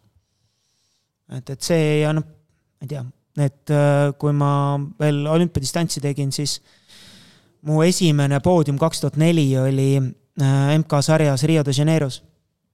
ja võistluse pilt oli siis selline, et lihtsalt äh, põhimõtteliselt ma olin nagu see loll pull, kes ainult nagu ründab. lihtsalt no, nagu nelikümmend kilomeetrit on ratast ja kolmkümmend kilomeetrit ja ma olin absoluutselt iga breakaway'ga kaasas. ja kolmekümnendal kilomeetril ma sain lõpuks oma, oma väga hea sõbra prantslasega koos minema. Ja siis me virutasime sellise litri, et me olime minut nelikümmend edu kümne kilomeetriga. ja siis me hoidsime ära ja olime mõlemad poodiumil tema võitis, ma olin üheksa sekundit maas, et ma sellega päris hakkama ei saanud, oleks võitnud aga et noh, see jäi nagu meelde lihtsalt selle poole pealt, et, et vahet pole, et mida sa hoiad ennast siin. et pane, kui õnnestub, siis õnnestub, ei õnnestu, ei õnnestu. et no ma nagu selle, selle suhtumisega nagu läksingi enamustele võistlustele peale, et kui minul õnnestub muuta seda, mismoodi võistlus kulgeb, siis ma olen oma võistluse edukalt teinud, vahet pole, mis see tulemus lõpuks on. kui ma ajasin kellegi nii kettasse et ta pidi tegema midagi, millest ta on tõsiselt palju parem kui mina, siis um, no hard feelings, nagu sain tappa. jah, ega see spordis on tihti nii, et ega või kui näiteks jalgratturite, jalgratturid ütlevad selle kohta see, et kui sa mõtlema hakkad sellise koha peal, siis on juba ammu läinud, et ega seal ongi see, et kui saadakse kätte, no mis siis juhtub, siis kas proovid seekord jälle või, või järgmine kord, aga vähemalt proovisid, vähemalt, vähemalt andsid sellele võistluse käigule mingi panuse, on ju mm. -hmm absoluutselt. et äh, kui see, kui sina ei oleks seda lüket teinud, siis see käik oleks võinud hoopis teine olla, keegi teine oleks selle lükke teinud. oleks see, oleks see nagu teistpidi olnud. sa nimet-, nimetad siin väga palju erinevaid maailma linnu ja paikasi, et äh, noh, reisinud oled sa tohutult, on ju, et ma lihtsalt mõtlen seda, et äh, kas on olnud ka nii, et hommikul ärkad üles segase peaga, kohvrid on pakitud ja lähed lennujaama ja mõtled, et kurat, kuhu ma nüüd lendama pidin, vaata, seal on New York, kuhu ma minema pean, on niisugust asja juhtunud? ei, niisugust asja ei ole juhtunud, ikkagi on nagu sul on ranna peal kirjas, et homme on see minek et on, on ikka olemas teatud kohas, sa võtad nagu selle kunagi, mina reisisin ikkagi välja prinditud lennukipiletiga. et selles mõttes, kui ära unustasin, siis ma võtsin selle lehe lahti ja vaatasin sealt, noh, mit-, mitmes leht need on, eriti lahedad olid need ümbermaailma piletid. et sa alguses võtsid kätte, vaatasid Tallinn, Stockholm, Stockholm, Frankfurt, Frankfurt, New York New York, Los Angeles. ja niimoodi nagu konkreetselt nagu lehitsesid nagu raamatut, et see oli, see oli niisugune lahe asi endal nii-öelda kätte võtta. Aga mäletad sa seda, seda ka, et mis oli sinu esimene välisvõistlus äh,? kus see siis oli? ma tegin äh, jaa, ma tegin äh, Lanzarotel siiamaani toimuva vulkaanotriatloni üheksakümne üheksandal aastal, see oli mu esimene, teine oli mul juunioride EM Madeiral. ja ma mäletan tõsiselt äh, seda, kuidas äh, ma olin seal koos siis Kirilli ja Margus Tammega. et äh, ma lähen Kirilli juurde enne võistlust, ütlen kurat, et siin on, et kasutasin väljendit siis vene keeles on niisugune kaban nagu, et ma ei tea, mis see on, sõra, no sõraline, no suur niisugune veis või, et siin on nii palju selliseid vendi, siis see vend ütles, jaa, sa oled üks neist. Ja siis tulin lõpuks kaheksandaks, siis ma sain aru, et noh, et, et see on see, mis mul noored ütlevad, et läksid Türil, läksid sinna äh, äh, nii-öelda vahetusalasse, ütlesid, et ähm, kuidas, kuidasmoodi me nende vendade ja nende riistapuudega siin me peame võimu, võidu nii-öelda ajama. et, et äh, mul oli siis sama, samasugune mõte, et ma lähen sinna vaatan mingi ketaserattad, jooksud, särgid, värgid. ise oled enda mingisuguste nii-öelda äh, World Triathloni selle pisikese, pisikese selle länk-, länksuga ja tavalise maantekaga et, et aga siis selgus, et oi, et hoopis, et mees sõidab, mitte ratas. aga see kaheksas koht, see on ikka? See oli okei okay,, jah. aga sinna reisimine, see tuli sul ikkagi üksi ette võtta? Äh, ei, siis ma ah, olin jah, nagu, ma olin koos äh, äh, Kirilli ja Margusega, kes tegid äh, Lanzarote Ironmani ja see oli kaks nädalat hiljem yeah.. et, et see minu arust on Vulcano triatlon, nüüd vist on ära tõstetud, aga ta oli aastakümneid niimoodi, et ta oli kaks nädalat enne Lanzarote Ironmani kas too ei, ei ole sama, kui Sain käis see aasta või? jaa, arvatavasti on, arvatavasti on, et. Et Ainile see saar väga meeldib, tema on nagu reaalne kunn seal. et selles mõttes, et kui sa lähed kuskile suvalisse kohta, ütled, et äh, jaa, siin Aila, Ainar soovitas, aa jaa, mida sa tahad, tahad tasuta või? et ei, ei ole nagu probleemi, see, see vend on legend seal lihtsalt. on nagu nii suur ja nii palju vatte, et igale poole jagus. väga kihvt kas sul on meenutada mingeid äh, põrumisi oh. sportlasi mida, midagi värvikat? on sul midagi, on sul midagi kunagi nihu läinud ka või ma olen nagu iga tavaline sportlane, kellel enamus on nihu läinud ja siis on mõned asjad hästi välja tulnud. oo, legendaarseid mingeid asju oh,? ma olen mõlemat pidi äh, maailmakarikal saanud hakkama, ükskord ma sõin liiga vähe. ehk et äh, ma nagu reisimisel ja sinna minemas mõtlesin, et noh, et äh, kergus on eelkõige, et ma pean, ma pean olema kerge ja, ja, ja ma pean olema kõhna ja mida iganes. siis ma läksin starti, siis ma ujusin hästi, sõitsin järjekordse prantslasega eest ära. vormiste küsi-, vormistamise küsimus oli äh, äh, jooks. ja mul läks kõht tühjaks. lihtsalt on teil kellelgi nagu reaalselt nagu nii kõht tühjaks läinud olümpiadistantsi ajal, et te lihtsalt ei saa edasi minna, sest kõht on nii tühi ja see on MK-l, noh, see on nagu hale see oli nii hale. ja siis äh, samal aastal loomulikult panin ka vastupidi et sõin ennast suures nii... hirmus läksid? jaa, täpselt. uus, Uus-Meremaal uus.... Läksid selle barbeku tüübi juurde, et nüüd tee mulle või? ma ei mäleta, mis õhtusöögi ma seal Uus-Meremaal ära sõin, igastahes mul oli nii paha. ma olen vist elus ühe korra käinud ainult äh, WC-s olümpiadistantsi ajal ja see oli siis, noh. see oli nagu jube, see lihtsalt kulgeda ei saa, igalt poolt tahab välja tulla. Et see noh, ja ka kaks sellist nagu eksimust ühe aasta jooksul, et no see on nagu, kui loll sa saad olla nagu. aga kas oligi siis selles järjekorras, et, et äh, alguses kõht tühi ja siis hiljem hirmu, hirmuga sõid üle? jah, täpselt nii oligi et, mm. et äh, no mis neid, äh, mis neid fail'e on veel, okei okay,, niimoodi tagurpidi rattakingi peale panna, nagu rasva pani, seda ma ei ole teinud. küll aga ma olen oma nii-öelda rattast mööda jooksnud et minu esimene seesama mingi teine, teine võistlus, esimene juunior DM, tulen teisena veest välja ja jooksin tükk aega seal edasi-tagasi, edasi-tagasi, tagasi. siis ma sain kuskil teise pundi lõpus sain ratta peale siis ma siis, aga siis ma olin juba nagu sellise reielihasega vend, et ma väntsin ennast esimesse punti, esimese ringiga. siis vaatan, et oh, kõik kohendavad neid äh, kingasi. nagu tekkis mingi sihuke nagu vaba hetk pundis, kõik kohendavad, maga. Aga mul sellel, sellel hetkel oli kolme krõpsuga triat-, no ei olnud nagu maanteeking oli ja siis, kui ükskord oli vaja rattalt maha tulla, siis olid kolm krõpsu kinni. enam ei saanud niimoodi, et tõmban ühe lahti ja siis on king käes. ei olnud ja siis ma jooksin EM-il üks king jalas, teine paljalt et, et siis läks ka teises vahetusalas nagu natukene aega, enne kui minema sain. aga lõpuks äh, kurbloolisus selles on see, et, et see üheksateistkümnes koht EM-il on jätkuvalt veel juunioride Eesti parim tulemus et nagu et jah, elu, elu teine võistlus sai nagu nii, niimoodi pandud. ikka tuleb jutuks seda, et, et võistluseelne närvipinge ja, ja mandraas või mandross, kuidas siis keegi ütleb, et kas sul oled sa olnud ise oma võist-, sportlikus karjääris suur nüüd mandrossi ja? no äre-, ärevus on ikka jah, et, et tuleb kuidas sisse... see kajastub siis? No see, ma arvan, tüüpiline selline kõht on lahti ja sihuke mõtted tulevad, et mida ma siin teen, miks ma siin olen, kas ma ikka päriselt tahan seda teha ja, ja siis on, et ma saan kindlalt ujumisstardist tappa. Mm.. aga seda ei ole, nii, nii hulluks ei ole läinud, et oled mõelnud, et läheks, teeks äh, enne magama minekut homse raja läbi ei, nii, niimoodi, niimoodi ei ole. pigem, pigem kõva närviga. ei, ma jah, ma ütleks, et ma olen suhteliselt äh, selles mõttes äh, hea närviga jah, et, et, et, et võist-, võistlusnärvi oli, ärevus tuli sisse, et see oli nagu kõik hea, et päris nagu külma kõhuga ei olnud. et kui täitsa savi on, et noh, siis ei tule ka nagu mitte midagi välja et, et, et selles mõttes, et eks neid äh, sportlasi on ka nagu erineva ärevustasemega ja milline võistlus, kellel suudab selle ärevustaseme kuhu tõst-, kuhu tõsta.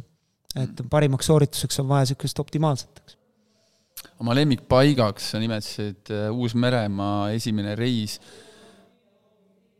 ahah, et meil äh, või esimene reis, aga, aga Hawaii Ironman.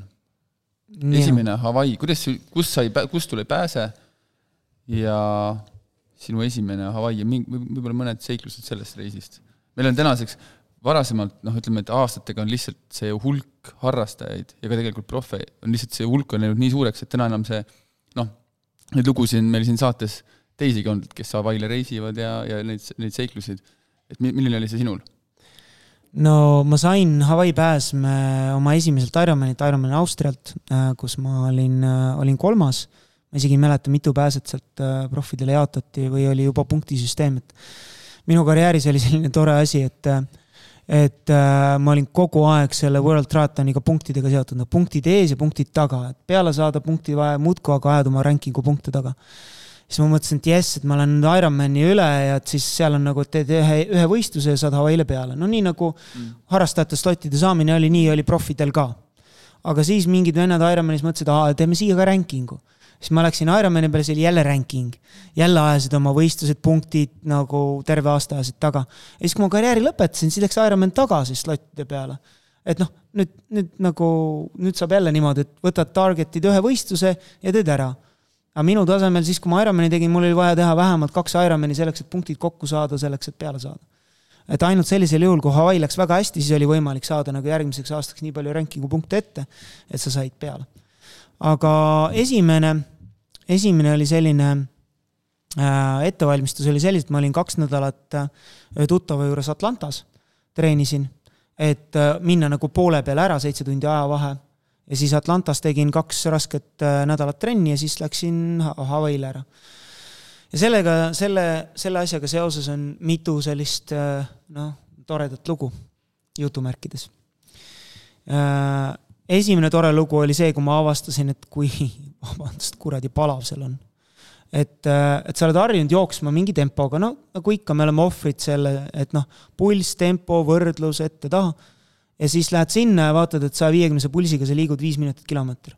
ja just oled tulnud Atlantast, noh, kakskümmend viis kraadi ja jooksnud kolm kolmkümmend. et noh, seda oli alguses oli nagu nagu natuke raske end nagu omaks võtta. aga nii ongi, et ma see annangi kõikidele sportlastele kaasa, et noh, et, see on täiesti teine koht, et nagu ära arva, et sa, ära arva, et sa tead midagi, kuna sa tead midagi soojast. ja, ja teine asi oli see, et ma olin pannud endale majutuse kinni läbi saare peal elava eestlanna. ja selle majutusega oli niimoodi, et seal kohapeal selgus, et mul tegelikult majutuse juurde ei käinudki köögi access'i. et äh, esimene nädal nagu oli ja siis järsku üüriti nagu teine pool majast välja ja mul enam sinna nagu ei võimaldatud minna. ja kuna nagu käituti äärmiselt selliselt nagu ebameeldivalt, et see omanik oli sihuke nagu tõsine asshole, siis äh, viis päeva enne võistlust ma pidin leidma endale teise majutuskoha. lihtsalt ma ei tahtnud olla enam seal, siis äh, aga selleks ajaks oli mul tekkinud mingeid kohalikke tuttavaid ja siis üks kohalik vanatädi võttis enda juurde. Ma sain kuskil mingi katusetoas elada, konditsioneeri ei olnud, aga selle eest oli fänn nii-öelda puhus peale. aga ütleme nii, et kui sul on kolmkümmend viis kraadi väljas, siis see fänn noh, natuke aitab, aga mitte väga palju. et, et äh, siis sai ka niimoodi sealt katusekorterist ERL-ile intervjuud antud, et kuskilt wifi't püütud niimoodi selle arvutiga et Skype'i intervjuud teha et, et äh, aga võistlus iseenesest äh, tuli välja normaalselt ja see oli ka huvitav vaadata, kuidas inimeste nagu suhtumine muutus, et ennem noh, rääkisid sellesamale eestlannale või kellelegi, et noh, ma tulin siia Ironmani tegema, et jaa, jaa, ei mm,, ja, ja, et kuule, lähme paraadile ja lähme sinna. ei, ei, ma ei tule, ma tahan tulemust teha. kuule, mis sa jamad siin, ära jama nagu. et lähme ikka käime nagu paraadil ja siis teeme luuau ja siis teeme selle. ei, ei, et ma olen nagu kodus, mul on jalad seinal ja ma lähen võistlema. ei, mis asja sa ajad siin, et pead kohale tulema. umbes, et eestlased siin ja sa pead tulema kohale. no ei. Ja siis, kui ma kolmeteistkümnes olin, siis oli, et aa, okei okay.. siis enam ei olnud küsimusi. kas see oli ka esimesel korral siis või? jah. esimesel korral, noh, see on see algaja õnn vist kuigi oma parimaks Hawaiiks ma loen äh, eelviimast Hawaii'd kaks tuhat kuusteist. et see, mismoodi ma siis hakkama sain, oli, ma arvan, niisugune üheksakümne viie, üheksakümne seitsme protsendine õnnestumine. see jäi natuke puudu ja see ärgitas mind veel korra, korra proovima, kaks tuhat seitseteist. aga siis ma panin üle. sinu parim koht, on ju? ei, kolmeteistkümnes on parim koht, mul on, mul on nii hästi, et mul on kolmteist, neliteist, kuusteist, üheksateist, kakskümmend viis ja kolmkümmend üks vist et, et, et seda nii-öelda mina unistasin esikümnest, et see, see oli minu unistus. aga see, sellest jäi siiski sihuke circa kaks viiskümmend kaks, kaks viiskümmend viis maraton puudu alati. et kui ma olin sellel positsioonil ja kaks tuhat kuusteist ma jooksin välja vahetusalast üheksandana. et see oli nagu päris tuus oli pärast vaadata neid äh, pilte, mis olid tehtud ekraanist, kus esikümme vahetusalast välja oli, üheksas oli, oli oma nimi, et see oli see oli lahe, ainult et hoida ei jõudnud. Ja ainuke kord, kui ma olen kellegi viimasel kahel kilomeetril Ironmanist ennast möödast, mööda last, ja see oli siis äh, David Macam-, David Macamee, kes järgmine aasta oli kolmas aga ei suutnud hoida selja taga. et noh, Ironmani lõpp on niikuinii ainult puhas võitlus, et seal vahet pole, kuidas sa jooksed. kas jalad harkis või koos või pika sammuga või lühise, lühikese sammuga, et noh, et seal on puhas nagu see nii-öelda hinge asi. seal nagu stiilipunkte ei anta? ei, ei, ei. ma olen ise see kaks tuhat, sellesama kahe tuhande üheteistkümnenda aastaga ka, et et, et ma, ma jooksin oma heast sõbrast Rasmus Henningust, taanlasest, mööda viimase viiesaja meetri peale et, et ma lihtsalt pidin tast mööda jooksma nagu, et ma kangutasin niimoodi, et Rasmus pärast ütles, et mulle tundus, et sa jooksid maailmameistritiitlile. ma ütlesin, see oligi minu jaoks maailmameistritiitel. aga, aga jah, et ma ütlen, et kui sa räägid, et seal kohtadega, tegelikult on need kohtade vahed seal ei ole ju väga suured ju. see, et võib-olla seal me räägime päris esiots, seal oli top top viis on ju, võib-olla jäävad seal kaugele kakskümmend, kolmkümmend minti, ma ennustan lihtsalt. ja nii on. et ega seal kümme ja edasi on vahe, et teinekord isegi võib-olla sekundites, on ju. no Hawaii on niisugune tore asi, et seal, seal ei ole mitte ühtegi puud, seal ei ole mitte midagi, seal on nagu põhimõtteliselt nagu sitting duck kõigile, kes tagantpoolt tulevad mm.. et noh, sa tea, sa tead, et ja ise jooksed täpselt samamoodi, et sa näed nagu minuti kaugusele, kahe minuti kaugusele, viie minuti kaugusele, sa, sa näed neid inimesi kogu aeg. et, et selle, selles mõttes, et seal, seal ei ole mitte midagi muud teha, kui ainult pilk hoida ettepoole ja, ja panna, nii palju kui tuleb mm et, et jah. mul oli mingi mõte äh, sa oled käinud kahel olümpial ka, võib-olla mõni lugu sellest? no esimene olümpia oli selline äh, tore tore lugu, võib-olla, ma ei tea, kui paljudele teile ütleb nimi Priit Lehismets. ütleb midagi. füsioterapeut. füsioterapeut Kalev, Kalev Cramo füsio praegu millegipärast võtnud väga tõsiselt mountain bike'i ette, ennem seda oli triatlon, ennem seda oli maratonijooks, noh, sihuke. minu arust ta triatlonis nagu... loobus peale seda, kui kaks tuhat üheksateist ta nägi, kui palju tuules sõidetakse, siis ta ütles, et kurat, mina ei tee seda, Alaro. ta oli Tallinna Ironmanil, ta oli väga endast väljas, ta nägi, kui palju siis tuules sõideti. see võib nii olla, ta on äh, sihuke keevaline mees. aga oli niimoodi, et ma olin koos kergejõustiklastega ettevalmistuslaagris Kalamatas ehk kuskil kahe tunni sõiduga kaugusel Ateenast ja siis äh, Leismets, kes sellel ajal oli keskmaa jooksja ja siis äh, oli kaasas äh, peamiselt Kanteri füsiona, tuli minuga jooksutrenni kaasa. ja siis ta jooksis rõõmsalt selle trenni ära, mina muuseas jooksin sellel hetkel katkise meniskiga. ma ise ei teadnud seda, aga, aga mul oli, mul oli menisk katki. ja siis võib-olla mismoodi see vend tuppa läks ja sealt õhtusöögini välja ei tulnud ja minul oli lihtsalt keskmine trenn et, et äh, ja noh, sealsed kohtumised nii-öelda Kanteriga ja need jutuajamised Kanteriga ja sellised äh, nagu võib-olla olümpiatelt kõige ilusam või valusam hetk on sellest hetkest, see hetk, kui me Gerdiga võistlesime ju ühel päeval kaks tuhat kaheksa. ja mina tänu toidumärgitusele panin nii lati alt ära, et ma isegi ei puudutanud ühegi karvaga latti. ja, ja Gerd, aga sel Gerd võitis samal õhtul kulla. see tähendab, et mitte mitte kedagi absoluutselt ei huvitanud, et mina olin läbi kukkunud. ja kaks päeva hiljem vist olümpiakülas, tulen uksest välja, vaatan, kõrval, kõrval boksis on äh, Gerd massaažilaua peal. hiilin vaikselt, vaikselt. Marko, tule siia äh no ei taha, ma, ma ütlen, et ma ütlen, see nagu see pingelangus, depressioon või mida, kuidas iganes sa tahad nimetada peale sellist läbikukkumist oli nii suur, et ma ei tahtnud üldse suhelda inimestega. aga Gerd võttis mu ette, tõmbas tuppa, küsis täpselt järgi, kuidas läks, mida sa tegid, mida sa tundsid ja nii edasi. oma sellises naturaalses, rahulikus äh, maneeris, nagu ta ikka kõneleb. et olümpiavõitja ikka Gerd Kanter.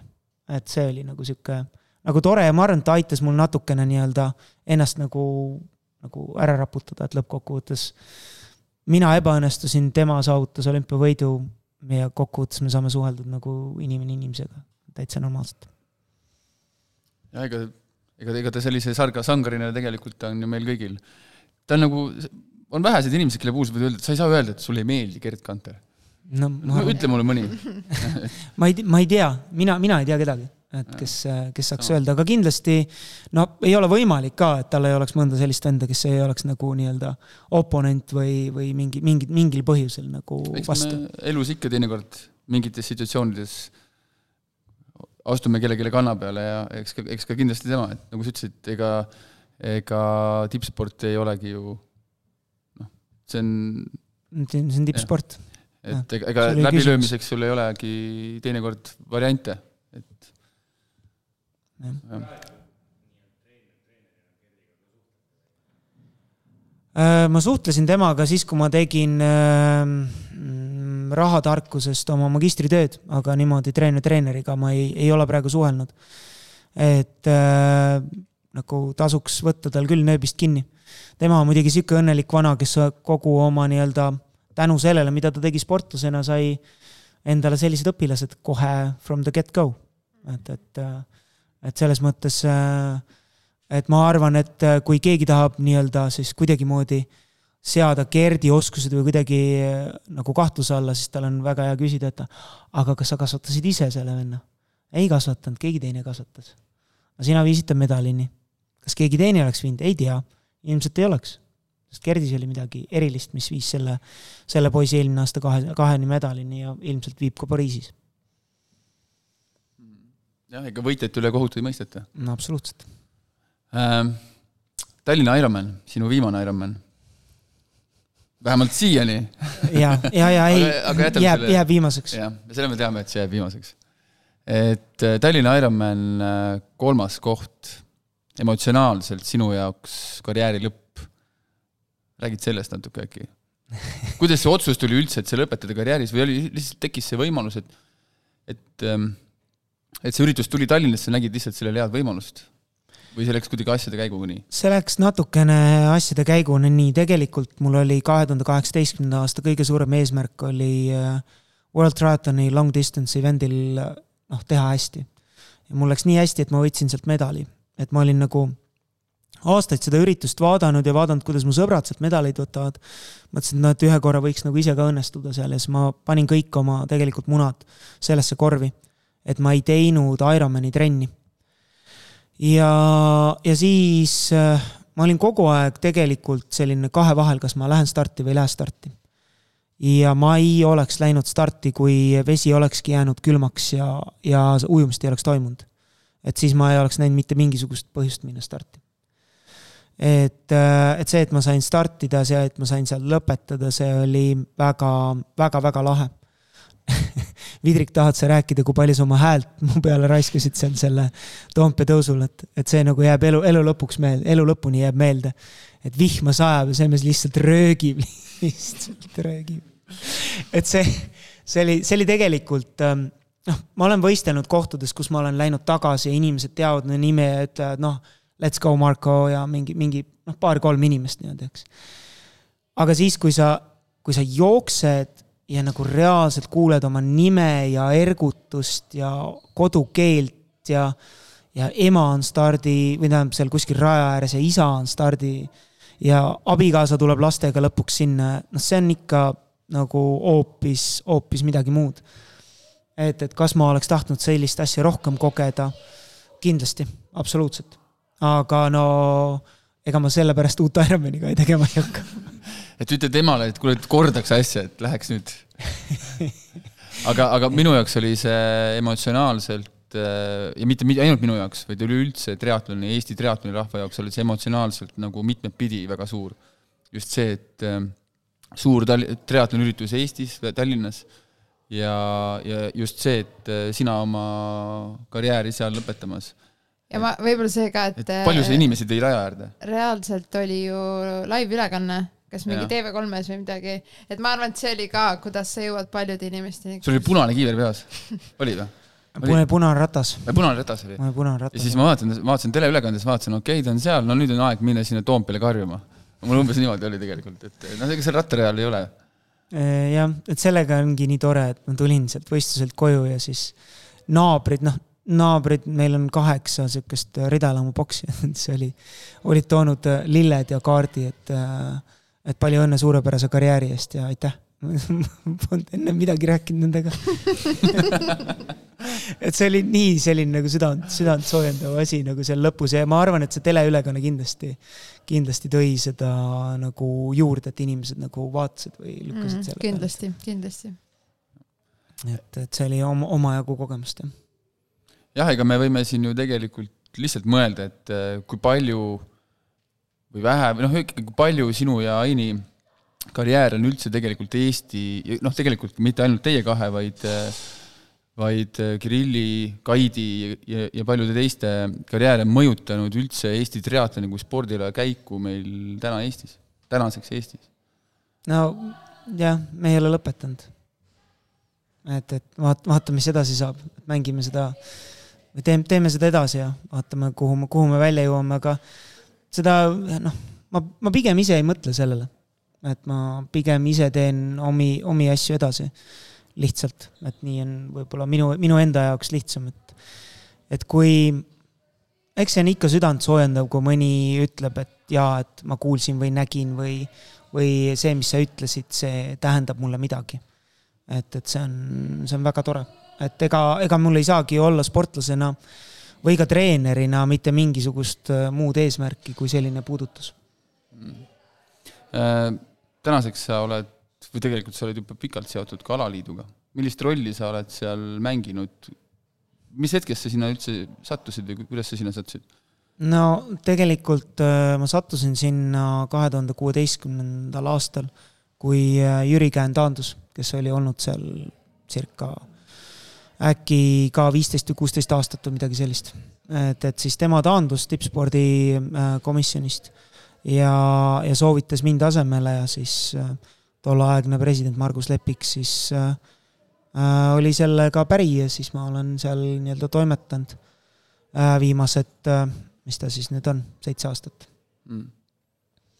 et, et eks see on olnud nagu huvitav ähm, ja väga sihuke nagu õppimisrohke aeg. et ma olen tahtnud nagu lõpetada mitu korda, aga aga siis on äh, Jüri öelnud, et ei, et sul on vaja veel kasvada, et ole edasi. tihti no, on seda, et Jüri teab paremini kui sa ise või äh,? tihti. nagu, nagu päriselt, nagu selles mõttes, et kui see vend midagi ütleb, siis tuleb kuulata. ma olen paar korda elus mõtlesin, et ma tean ise paremini.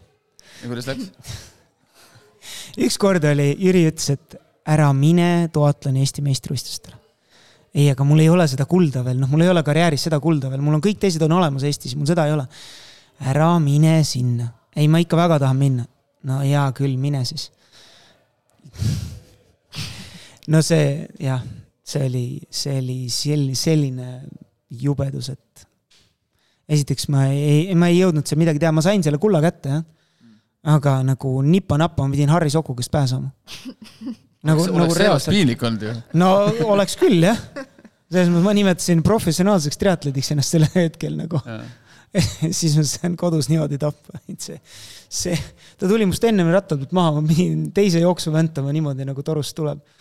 ja siis äh, tänu sellele, et see maastik oli seal nagu jämedal killul oli jooksmine ja kõik asjad, et ma keerasin enda organismi ikka mitmeks nädalaks nii tuksi, et see, et nagu should have listened on see nagu kuigi selle, see distants ei saa olla ju nii tappev.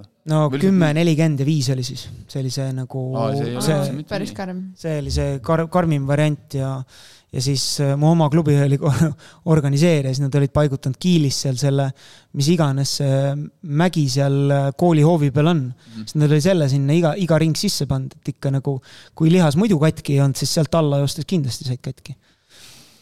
et, et, äh, et noh, see, see oli karm jah aga alaliidust rääkides, äh, mis on muutunud läbi sinu silmade võib-olla aast-, viimaste aastate jooksul alaliidu struktuurides? et äh, teada on, et Tiina Pallas, kes väga pikalt oli peasekretär, tänaseks äh, andis oma ohjad üle. kuidas on tänaseks see töö või jaotus ja, ja võib-olla need ametid seal muutunud ja, ja milline on see sinu roll seal? no minu roll on, noh, see muutunud on sedavõrd, et ma olin noh, selle nii-öelda tippspordi osa eest vastutajana üksi. aga sellest aastast öö, äh, oleme siis öö, koos Kirilli, Sassi ja Ainiga nii-öelda tippspordikomisjoni moodustame. Ja noh, see oli, eks ikka pingeid on absoluutselt igas vabatahtlikus organisatsioonis. et mulle pandi puid alla pigem sellega, et ma teen just oma õpilaste jaoks kogu aeg ainult soodsaid otsuseid ja noh, seal on erinevaid nagu siukseid suhteliselt negatiivseid väljendeid minu suunas kasutatud, et siis ma, siis ma kaasasin rohkem nii-öelda Kirilli ja Sassi selle teema juurde. ja no muutunud on see, et Indrek Hääl asus presidendi toolile ja, ja sellega seoses hakkasid nagu asjad natukene noh, võib-olla nagu sellest patiseisust liikuma et, et Margus Lepik oli pikka aega ja asjad toimisid nagu inertsist mingi aeg, et nüüd on, nüüd on neid muutusi ja asju olnud ja ilmselt ka edaspidi tulemas. ja loodetavasti siis ikka, ikka positiivses suunas. et, et noh, eel, eelmine aasta me tegelesime sellise asjaga nagu noortevõistluste eakohastamisega. et meil oli selline absurdne situatsioon, tegelikult noh, minu jaoks absurdne, et et kaheksa-aastaselt said sa tulla Eesti meistriks. ja mul oli reaalselt selliseid kogemusi, kus noored tulid, ütlesid mulle, aga ma olen kümnekordne Eesti meister juba, ma olen kõik spordis saavutanud nagu mic drop, noh. et mida sa teed siukestega, et nagu selles mõttes, et et, et, et sai natukene tehtud ettepanekuid treeneritele, kes olid sellega päri ja nüüd on need muutused on siis esimest korda nagu ka karikasarjas näha. loodetavasti ka muud äh, sõltumatud nii-öelda võistluste korraldajad võtavad üle või vähemalt kasutavad sellesuunalisi muutusi, et noorematele lastele annavad siiski natuke lihtsamaid ülesandeid, et need ei pea olema nii rasked. et, et ikkagi oleks enam ei saa lapsena tulla Eesti meistriks või? ei saa jah, ma võtsin oma tütrelt ära võimaluse tulla Eesti meistriks. ma olen äh, aasta isa mm. sest äh, jah, paraku nii. mitu aastat ta nüüd peab vaeva nägema, või sa iga no,, iga no,, iga aastaga tõstad seda nagu künnist või ma, ma oleks tahtnud, tahtnud tõsta veel kõrgemale, aga järgmine aasta saab ta oma selle võimaluse siis. Äh, et aga no, noh, me midagi teha ei ole, kergejõustik jätkuvalt jagab Eesti meistritiitlit, siis ta läks sinna, võttis sealt, noh et nagu üritad küll eemale hoida nendest medalitest, et ei saa nagu ära tõusta, aga näed, võtab mingi teise ala läheb. kuule, ma sain ka kuueaastaselt sumas Eesti meistriks ja usu, seda saadab klubisse siiamaani. et tegelikult on niimoodi, et iga kord, kui sihuke meeleolukas õhtu on laagris, siis ta toob oma medali toast välja jälle. jah, et, et, et noh, see nii-öelda laste-noorte distantside ja selle maailma triatlon on läinud niivõrd kiireks, et me peame paratamatult äh, ikkagi suunama sportlasi sinnapoole ja lapsi-noori, et et tuleb teha midagi äh, kiire liigutusega ja lühemalt kui pika liigutusega ja aeglaselt et kui oled aeglane, siis jäädki aeglaseks, kui oled kiire, siis võid saada aeglaseks. kui teed pikemaid asju.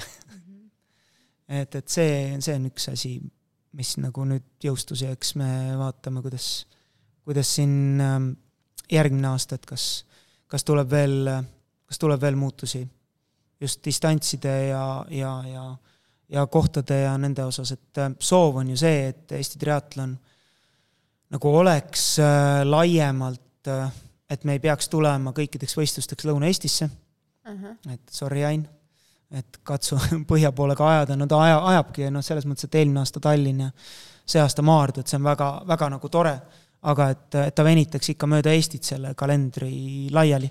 et meil olekski neid kohti ja, ja veel tänuväärsem oleks, kui, kui see selliseid nagu igamehe triatlone oleks rohkem ja neid äh, käidaks tegema ka, kus kus sul on võimalik äh, teha sellise noh, ka T-särgi lühikeste pükstega.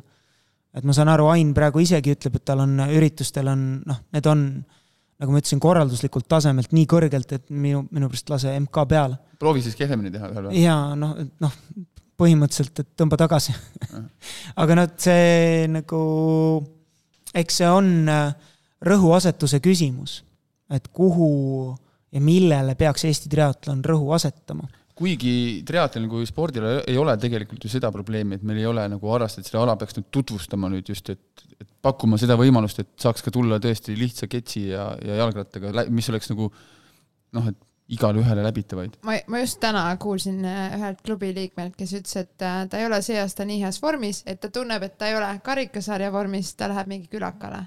et vaata ikka mingi sihuke ähm, level on juba saavutatud siis karikasarjas jah, jah, nii, nii on ja seda alus, alumist poolt ikkagi natukene nagu võib-olla peab olema ka neile, kes tulevad väljapoolt Tallinna või Tartut või noh, ühesõnaga tõmbekeskusi. et, et, et oleks selliseid äh, nagu lahedaid äh, üritusi nagu natukene ka võib-olla ker-, väiksema ärevusega ja rohkem, rohkema sellise küünarnuki tundega, et. ja, ja, ja võib-olla ka mitte, mitte nii professionaalse lähenemisega, et see ja. ala ei pea olema nii, et, et nüüd ma pean sellega igapäevaselt tegema, see peab lihtsalt olema kolme ala võimekus lihtsalt, et ujuda, rattaga sõita ning joosta ja sa teed selle ära, on ju. No just, et nende inimeste arv, kes läbivad triatloni, võiks olla suurem. Ja kui nad nagu tahavad ja tegelikult noh, oleme ausad, te olete ise näinud, et et triatlon on nagu crack, et korra teed ja siis nagu ei lähe kuskile enam selle ala juurest. et äh, mul on olnud äh, võimalik juhendada erinevaid harrastajaid, kes ütlevad, ma tulen, teen ühe. Mm. ja, ja jutuks hea küll, viis aastat hiljem ikka on siin. Ei lähe kuskile. Et siis on, siis, siis läheb edasi, et aga ma saan ju seda paremaks ja siis ma saaksin seda teha veel ja siis need, ostan töö, tööle diivani, siis on päeval magada kahe trenni vahel. et noh, siuksed ähm, siuksed asjad tulevad mängu, et ikka nagu see võimete lae nii-öelda otsimine on väga, väga nagu populaarne ja milleks noh, miks mitte tuua juurde neid, neid inimesi, kes siis kasvõi Ketsi ja selle T-särgiga üritavad neid võimete lage saavutada. kuskilt nagu igaüks alustab kuskilt, onju. et sa kunagi ei tea, kus see Ketsi vend nagu viie aasta pärast on. ei, ma arvan just, et ka see, et äh, meie, kasvõi meie enda vanematel oleks see võimalus. sa vaatad, et äh, näed, laps teeb mul siin triatloni, tahaks ise ka, aga sinna üritusele ma ei pürgi, näiteks Ironmani või mõnda muud, ütleme, kas või olümpiadistantsi ei lähe tegema, aga oleks see väljund, et et ka, et ka nemad saaksid siis korra siis pea mereks teha enam-vähem mm. -hmm no põhimõtteliselt meil neid äh, vanemaid härraseid ja nagu ikka, ikka on mõni, kes meil käib. kahjuks sihuke legendaarne mees nagu Ado Liblikmann enam ei käi, helistasin talle hiljuti, kaheksakümne kaheksa aastane, käib jätkuvalt tööl ma ei tea, kuidas see võimalik on. ja jutt oli ka jumala sirge, nagu väga sirge. et täiesti, täiesti uskumatu, aga tema, siis kui mina alustasin, siis tema oli see nii-öelda grand old man, keda tuli ära oodata sisse jahutustamisele rääkides natuke tryhard siis ka veel. oled nõus rääkima tryhardist? jah, jah. Ehm, kui, kui pikalt on see siis nagu, kui pikalt on see sinu kokku pandud treeningpunt tänaseks eksisteerinud, mis hetkel see alguse sai?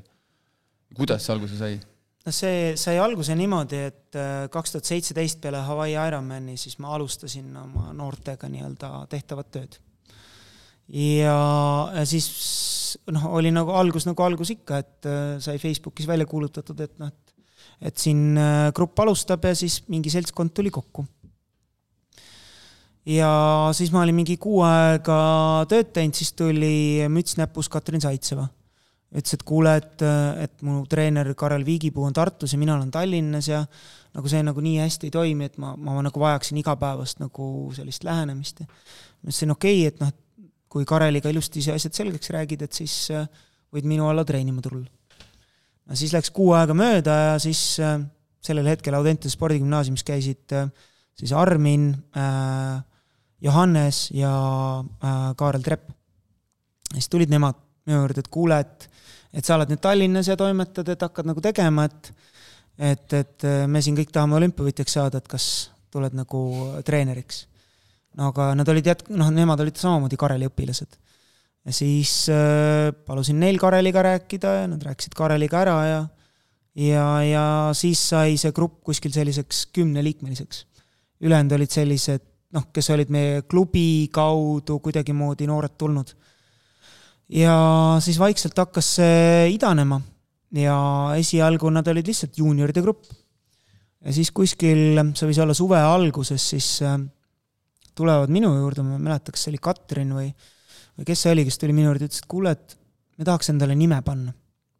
ütlesin, et fine, aga sellega seoses siis äh, kui te mõtlete nime, siis te kirjutate ka välja, mida see nimi tähendab, mida need, kõik need asjad selles nimes esindavad ja siis te peate selle, selle, seda iga päev täitma.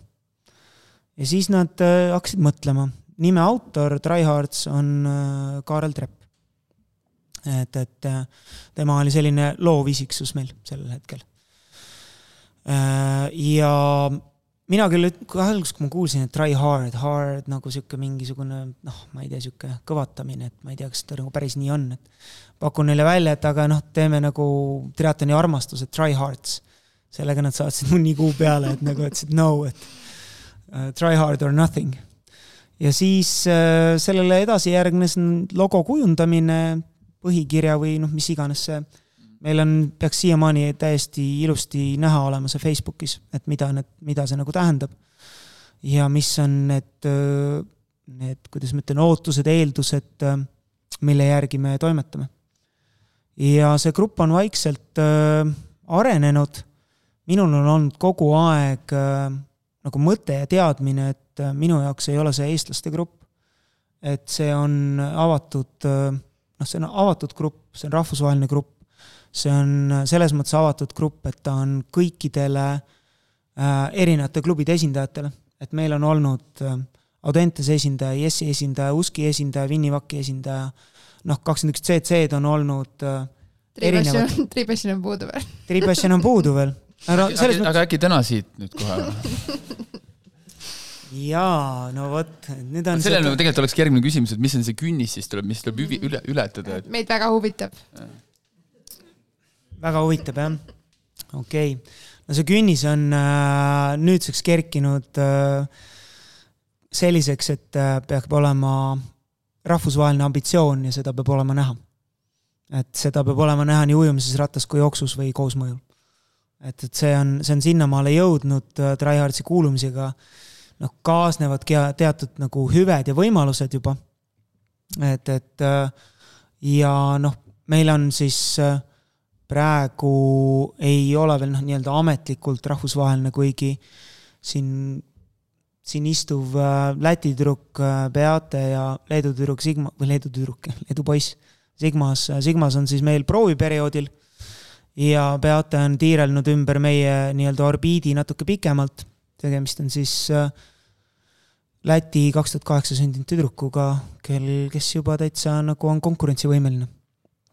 et, et äh, siit nagu edasitee ongi sinna nii-öelda eeskuju Joel Filliali poole, et et, et vähemalt sellisena ma seda asja nagu et, ette kujutan. et, et eks seda nii-öelda rapsimist ja rabelemist on, on kõvasti. grupp ilmselt on ja jääb circa sellise kaheksa kuni kaheteist liikmeliseks, mul oli ta ühel aastal neliteist, seda oli selgelt palju, et seda, seda üle käia oli juba raske kas äh, siin Baltikumist või mujalt riikidest äh, kõrvale sportlise toomiseks, kas see on, üks põhjus võib olla ka see lihtsalt sellise sisese konkurentsi suurendamine või see on lihtsalt see, et, et ka neil ei ole seal väljundit ja no mina, jah, esimene on kindlasti, et äh, parimad tegijad parimas kohas toodavad parima tulemuse ja seda, noh, see mul on hästi nagu lähedane või treeneri filosoofiaga seotud see grupiefekt et minu soov on tõestada, et, äh, et vastupidav spordialal grupp toimib, grupp kui organisatsioon toimib ja see aitab äh, edasi nagu igas mõistes. et meil on nagu teatud asjad, mida me juurutame, on see, et et, et noh, kui vahet pole, kes kui palju paremaks saab, me üritame kõiki märgata. ja on teaduslikult tõestatud, et isegi kui noh, kui parandatakse nii-öelda või tõstetakse põrandat, siis tõuseb ka lagi. et, et seda me olemegi kogu aeg teinud ja on, ongi see põrand ongi kogu aeg tõusnud. ja noh, võib-olla on selles mõttes nagu hea, et nii mõnigi liige, kes praegu on liige, on nii-öelda tänu sünniõigusele selle liige mm. -hmm. et, et, et kui nagu peaksid sügisest tulema ja tahtma, võib-olla ei mahuks, ei saaks. et, et noh, seal on ka see, see nagu me oleme jõudnud sinnani ja, ja, ja teine on see, et me nagu grupi sees ja starti me läheme, see on individuaalsport. aga kui keegi saavutab edu, siis me külg külla kõrval iga päev teeme tööd. kõik me teame, kuidas me suudame, palju me suudame. et kui üks saavutab edu, siis teisel ei ole see mitte, et kurat, vaid on teadmine, et aga ma suudan täpselt samamoodi, täna ei olnud minu päev. ja ma võin seda teha järgmine kord et, et, äh, et see on nagu põhiline, on see usk, et nad, et nende nagu see töö, mida nad teevad, see saab äh, tasutud. et, et äh, aga noh, kuidas, kuidasmoodi me siit edasi saame, et me nagu, mulle väga meeldivad need ajad, mis me oleme siin Otepääl. me üürime ühte sellist tagasihoidlikku maja Aedlinnas. aga mis selle minu jaoks oluliseks teeb, on see, et me oleme kõik koos. Me oleme, elame siis mõndadel aastatel, me oleme pikemalt olnud ja sellel aastal me oleme lühemalt. et, et me oleme selle nädala, me saame iga õhtu rääkida, arutleda, mõelda äh,, mis puudutab meie gruppi, mis puudutab äh, treeningut, arutleda võistluste üle, mis on hästi läinud, mis on kehvasti läinud, mis, mis vajab parandamist äh, või millised on noh, kuidas, kuidas nagu edasi minna. Et need on sellised asjad, mis toodavad seda nagu tegelikku väärtust et me oleme, muidu me koondume Tallinnas väga tihti ainult treeninguteks. et, et äh, meil on küll siin olnud paremaid aegu, halvemaid aegu, see kevad oli halvem aeg selles osas, et me sõime vähe koos. et me üritame nagu koos ka süüa, et meil on see peale trenni mingi hetk, kus me istume laua taha, kus on keelatud telefoni näppida. Et, et kus me pühendamegi aega oma nagu grupile, grupi liikmetele igasuguste asjade nagu arutamiseks, mis iganes siis parasjagu on vaja arutada et selliste, selliste väikeste asjadega kasvatada täpselt seda külg külje kõrval olemist, tegemist, üksteise toetamist. ja, ja, ja noh, teinekord mulle tundub, et see on toiminud. ma küll ei ole nagu ikka väga tihti rahul sellega, mis toimub, sest ma arvan, et saab paremini või peab saama paremini. aga no ma ma nii, ma ei teagi, kui palju ma neile, eks küsige nende käest, kui palju ma neile seda väljendan, et, et millega ma rahul ei ole. et lollustega kindlasti mitte. jaa, aga sellise tugeva grupi või jah, grupi vaim lõpuks on ka emotsionaalselt üks hetk, kui see siis ühe või mitme liikme jaoks mingil põhjusel või mingi otsuse tagajärjel ühel hetkel läbi saab. Et, et see grupp muutub nii tugevaks, selge on see, et sportlasena tuleb ühel hetkel teha otsuseid kas siin Katrin Saitsev või Kaarel Trepp, et et emotsionaalselt ilmselt ei ole need väga, väga lihtsad otsused olnud. kas näiteks, ei, ei sul, ei neil, on ju, et, et ühel hetkel lihtsalt need teed lähevad laiali no jaa, nad on, selles mõttes on kõigil on nagu vabadus või nad liiguvad edasi siis? aus, ausus, et nagu ma arvan, treenerina ongi tegelikult üks asi, et ma pean olema valmis nii selleks, et et nad tulevad mulle homme, ütlevad, et nad lõpetavad või et nad lähevad teise treeneri juurde, kuna ma ei ole teinud oma tööd piisavalt hästi et nagu selleks, selleks tuleb treeneril, noh, see on see karm äh, reaalsus, milleks ma pean valmis olema. võib-olla seda ei juhtu, võib-olla juhtub, aga nagu valmis tuleb olla. et, et ähm, ma ei teagi, oli seal veel mingi küsimus sees kuskil? ei olnud. ma lihtsalt loodan, et äh, noortega pikalt koos Otepääl nädalaid veetes hoiab see sind ka ennast noorena. Oh jaa, selles mõttes, et äh, eelmine aasta nad kinkisid mu sünnipäevaks riided, mille mu abikaasa absoluutselt ei kannata. aga nad ütlesid, ma näen hea välja. ja siis mitte, mitte ainult nemad, vaid nemad, nende sõbrad ka. ja ilma selleta, et nad õhutaksid, nii et, et see oli nagu jah mm., lahe, siis ma kannan. siis sa kannad laagris neid, mitte kodus? ei, ma, ma kannan ikka igal pool siis on need, need, siis need on need, need, mis algselt trukkidega laiali tõmmata, ei, see, need on need natuke lühikesed kukepüksid, mis käivad äh, nagu pika soki sisse aa, okei okay. see võib abikaasale tõesti vastu, vastu karva olla. käib küll abikaasa on klassikalise nii-öelda riietumisstiiliga, väga sihuke stiilipuhas. Et, et ähm, nagu öeldakse, et mehel on kahed riided, üks, mis ta ostab ise ja teine, mis ostab abikaasa. aga tavaliselt need, mis ta ostab ise, need seisavad kapis. et, et ähm, ma ei teagi, eks äh, teie oma podcast'is saate küsida, et mida see mida see grupp tähendab sportlaste jaoks, ma ei tea, mida, mismoodi me välja paistame, et eks me juurdleme selle üle nii, niikuinii kogu aeg, et, et mis me oleme, kus me oleme, kuhu me suundume ja mismoodi me, mismoodi me välja paistame, sest noh, kuidagi on vaja nii-öelda ellu jääda, mingit väärtust on vaja toota, et edasi saaks sporti teha, et, et see niisugune spor-, see spordiala ei ole just noh, spordi tegemine üldse ei ole just kõige odavam lõbu. et paraku lõppkokkuvõttes me jõuame sinna, vahet pole, kust, kust otsast me alustame spordiga, spordist rääkimist, me jõuame ikka sinna finantsideni. Et kuidasmoodi elab täiskasvanud triatleet ära. ja vastus on, äh, käib tööl. et selles mõttes, et äh, Armin on lastetreener, äh, Risto õpib praegu inseneriks, Riinel käib tööl, lõpetas magistri et ülejäänud käivad nagu keskkoolis. et, et Johannes Sikk töötab ka treenerina siin ja seal roh-, rohkemad, mõni, mõne toetaja heaks toetab, ka töötab ka klubis. et selles mõttes, et, et meil ei ole niimoodi, et kuskilt mingisugune rahapuu kasvab ja siis me käime vaikselt, võtame sealt, et need, need poisid reaalselt näevad nagu pimedal ajal väga palju vaeva, et ots otsaga kokku tulla ja kogu seda asja teha. aga teisest küljest see võib olla ka ju positiivne. Just see, ma mõtlen, ma mõtlen positiivne just selles mõttes, et ega, ega ühel hetkel on ju ka see, et kus äh, ka, ka peale, peale spordi on ju palju, elus palju muud. ongi. ja sul ei saa olla siis ainult see, et sul on see sportlase mõtlemine, et sul on ka vaja ju elus hakkama saada.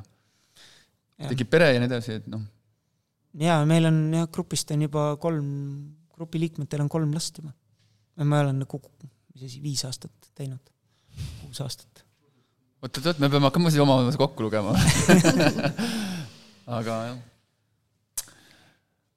ei, tegelikult äh, ma hästi nägin praegu sinu jutus isegi paralleele nagu harrastajate klubiga, et ma, ma seda tippspordi poolt ei näe igapäevaselt, aga samamoodi ka harrastajate klubi tehes lõpuks need nagu põhimõtted ja asjad on samad, et äh, et on vaja teha laagreid ja, ja see grupiga koos treenimine ja muidugi mitte sellises võtmes nagu teil, aga mingid need baasasjad on ikkagi samad. no absoluutselt, ega seda nii-öelda kannatada on lihtsam, kui keegi teine on kõrval. et, et, et seda, seda teed käia või noh, jõle lihtne on neid eesmärke seada esimene jaanuar on tavaliselt see kuupäev või siis nagu teil podcast'ist on ka läbi jooksnud, et see on päev peale eelmist Ironmani. siis ja. tuleb mingi hunnik email, et kuulge, et ma nüüd tahan kohe, kohe, kohe treenima hakata. Ja siis, kui üks hetk see kainus saabub, siis on väga hea, kui sul on inimesed -hmm. kõrval. noh, nagu ma ikka kasutan väljendit, kes on samasugused peast soojad inimesed, nad sammuvad, et kellelegi toetuda on tunduvalt lihtsam. et kellegiga koos välja minna, sul on see nii-öelda kuidas see eesti keeles on, accountability. et kui sa oled kellegiga trenni koos kokku leppinud, siis sa lihtsalt lähed ainuüksi sellepärast kohale, et sa oled kellegiga selle kokku leppinud. ja seda on nagu niivõrd palju lihtsam teha, et, et selles mõttes absoluutselt.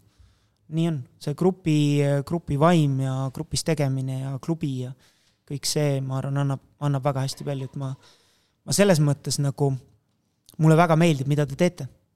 nagu siiralt et, et see, see kasv ja see toimetused ja kõik need asjad, need, mina olen seda täpselt samamoodi tähele pannud ja see on, see on väga lahe. see on väga lahe, te teete midagi väga-väga hästi. tunded on vastastikused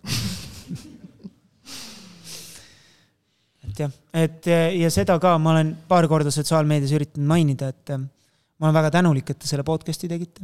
just nende lugude pärast, et, äh, et neid on olnud kihvt kuulata ja kihvt näha ja muidugi on huvitav ka, et mida enda omad siis räägivad siis, kui mikrofon nii-öelda suu ette pannakse, kas on sama suured sõnad siis, kui trennis on või ei ole? jah, siin ühel tuli keset saadet pissihäda peale seda ma võin uskuda, jah. aga, aga tihti ei juhtu nii, et äh, üks keskeas meesterahvas nii emotsionaalseid sõnu ütleb, nii et see on tegelikult väga tore kuulata, Marko. ja mul on väga, väga hea meel, et sa ikkagi nii avatud täna meiega siin oled suhelnud ja rääkinud, et keskeas ma olen ma arvasin, et sa naerad selle üle. ja muidugi, muidugi ma naeran selle üle, et see on, selles mõttes vaadake, mina, ma olen olnud nagu uskumatus füüsilises vormis. Nagu täiesti, kui ma praegu tagasi vaatan, täiesti uskumatus, mida ma olin võimeline tegema iga päev välja astudes. ja ma olen sellest väga kaugel nüüd et, et noh, see, selles mõttes vaadake selle peegelpildiga, ma pean iga päev nagu tõtt vaatama.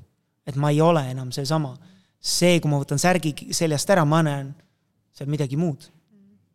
et, et noh, see ka nagu selles mõnes mõttes hoiab mind ja pea, ma pean hoidma ennast niikuinii vormis, sellepärast et südamelihase rasvumine on reaalne asi infarktiks. see on nagu selge, et, et minu jaoks on sport ja spordi tegemine kohustus nagu enam-vähem elu lõpuni et äh, ma olen see, ma olen see Opel senaatori kuulutus, mida ma kunagi lugesin, kõik, ma usun, siin on sellised inimesed, kes teavad, mis asi on Opel senaator, auto. no see oli kunagi luksusauto. ja siis ma nägin selle auto müügikuulutust ja siis äh, läbisõit oli viissada tuhat. Ja siis all oli kommentaar, läbisõitu ei ole edasi keeritud. et ma olen samasugune nagu meeletu läbisõiduga ikka veel enam-vähem kobeda välimusega. siis ma ütleks pigem, et sa oled nagu kas mersu või, või mis need, kellel, kellel on vaja lihtsalt mingi hetk õli vahetada ja läheb edasi ja väga hea, et sa seda ütlesid, ma just äh, downgrade isin oma auto ühe mersu peale, aga ma kurat siiamaani avastan ainult vigu et läksin odavama ja vanema auto peale, mis peaks tõesti tiksuma kuni poole miljonini välja, eks me siis äh, koos tiksute? viie, viie aasta pärast vaatame, kas oleme koos tiksunud. et kumb nüüd kauem tiksub? jah ja. täpselt. aga Marko, tahaks sind äh, tänada selle eest, et äh, mida sa oled Eesti triatloni jaoks teinud läbi enda karjääri, mis me siin nüüd täna rääkisime, läbi noortetöö, läbi alaliidu ja nende heade sõnade eest, mis sa meile siin ütlesid. et et äh, ei kahtle, et need olid siirad. ja, ja tahaks sulle jõudu ja jaksu ning äh, kirge soovida ka edastisteks, edastisteks aastateks ja et see tiksumine oleks ereda leegiga, nagu ta, nagu ta on täna. ja ma ise, ise mõtlen, et, et kunas see, kunas see nagu, kui kaua ma säriseda jõuan, aga vaatame. eks abikaasa ütleb sulle siis. jah ta on otsese ütlemisega nii et ma saan üsna otse teada seda jah, aitäh sulle ka minu poolt. ja aitäh teile, et kutsusite ja aitäh, et enne sajandat episoodis. teeme ühe suure aplausi ka veel.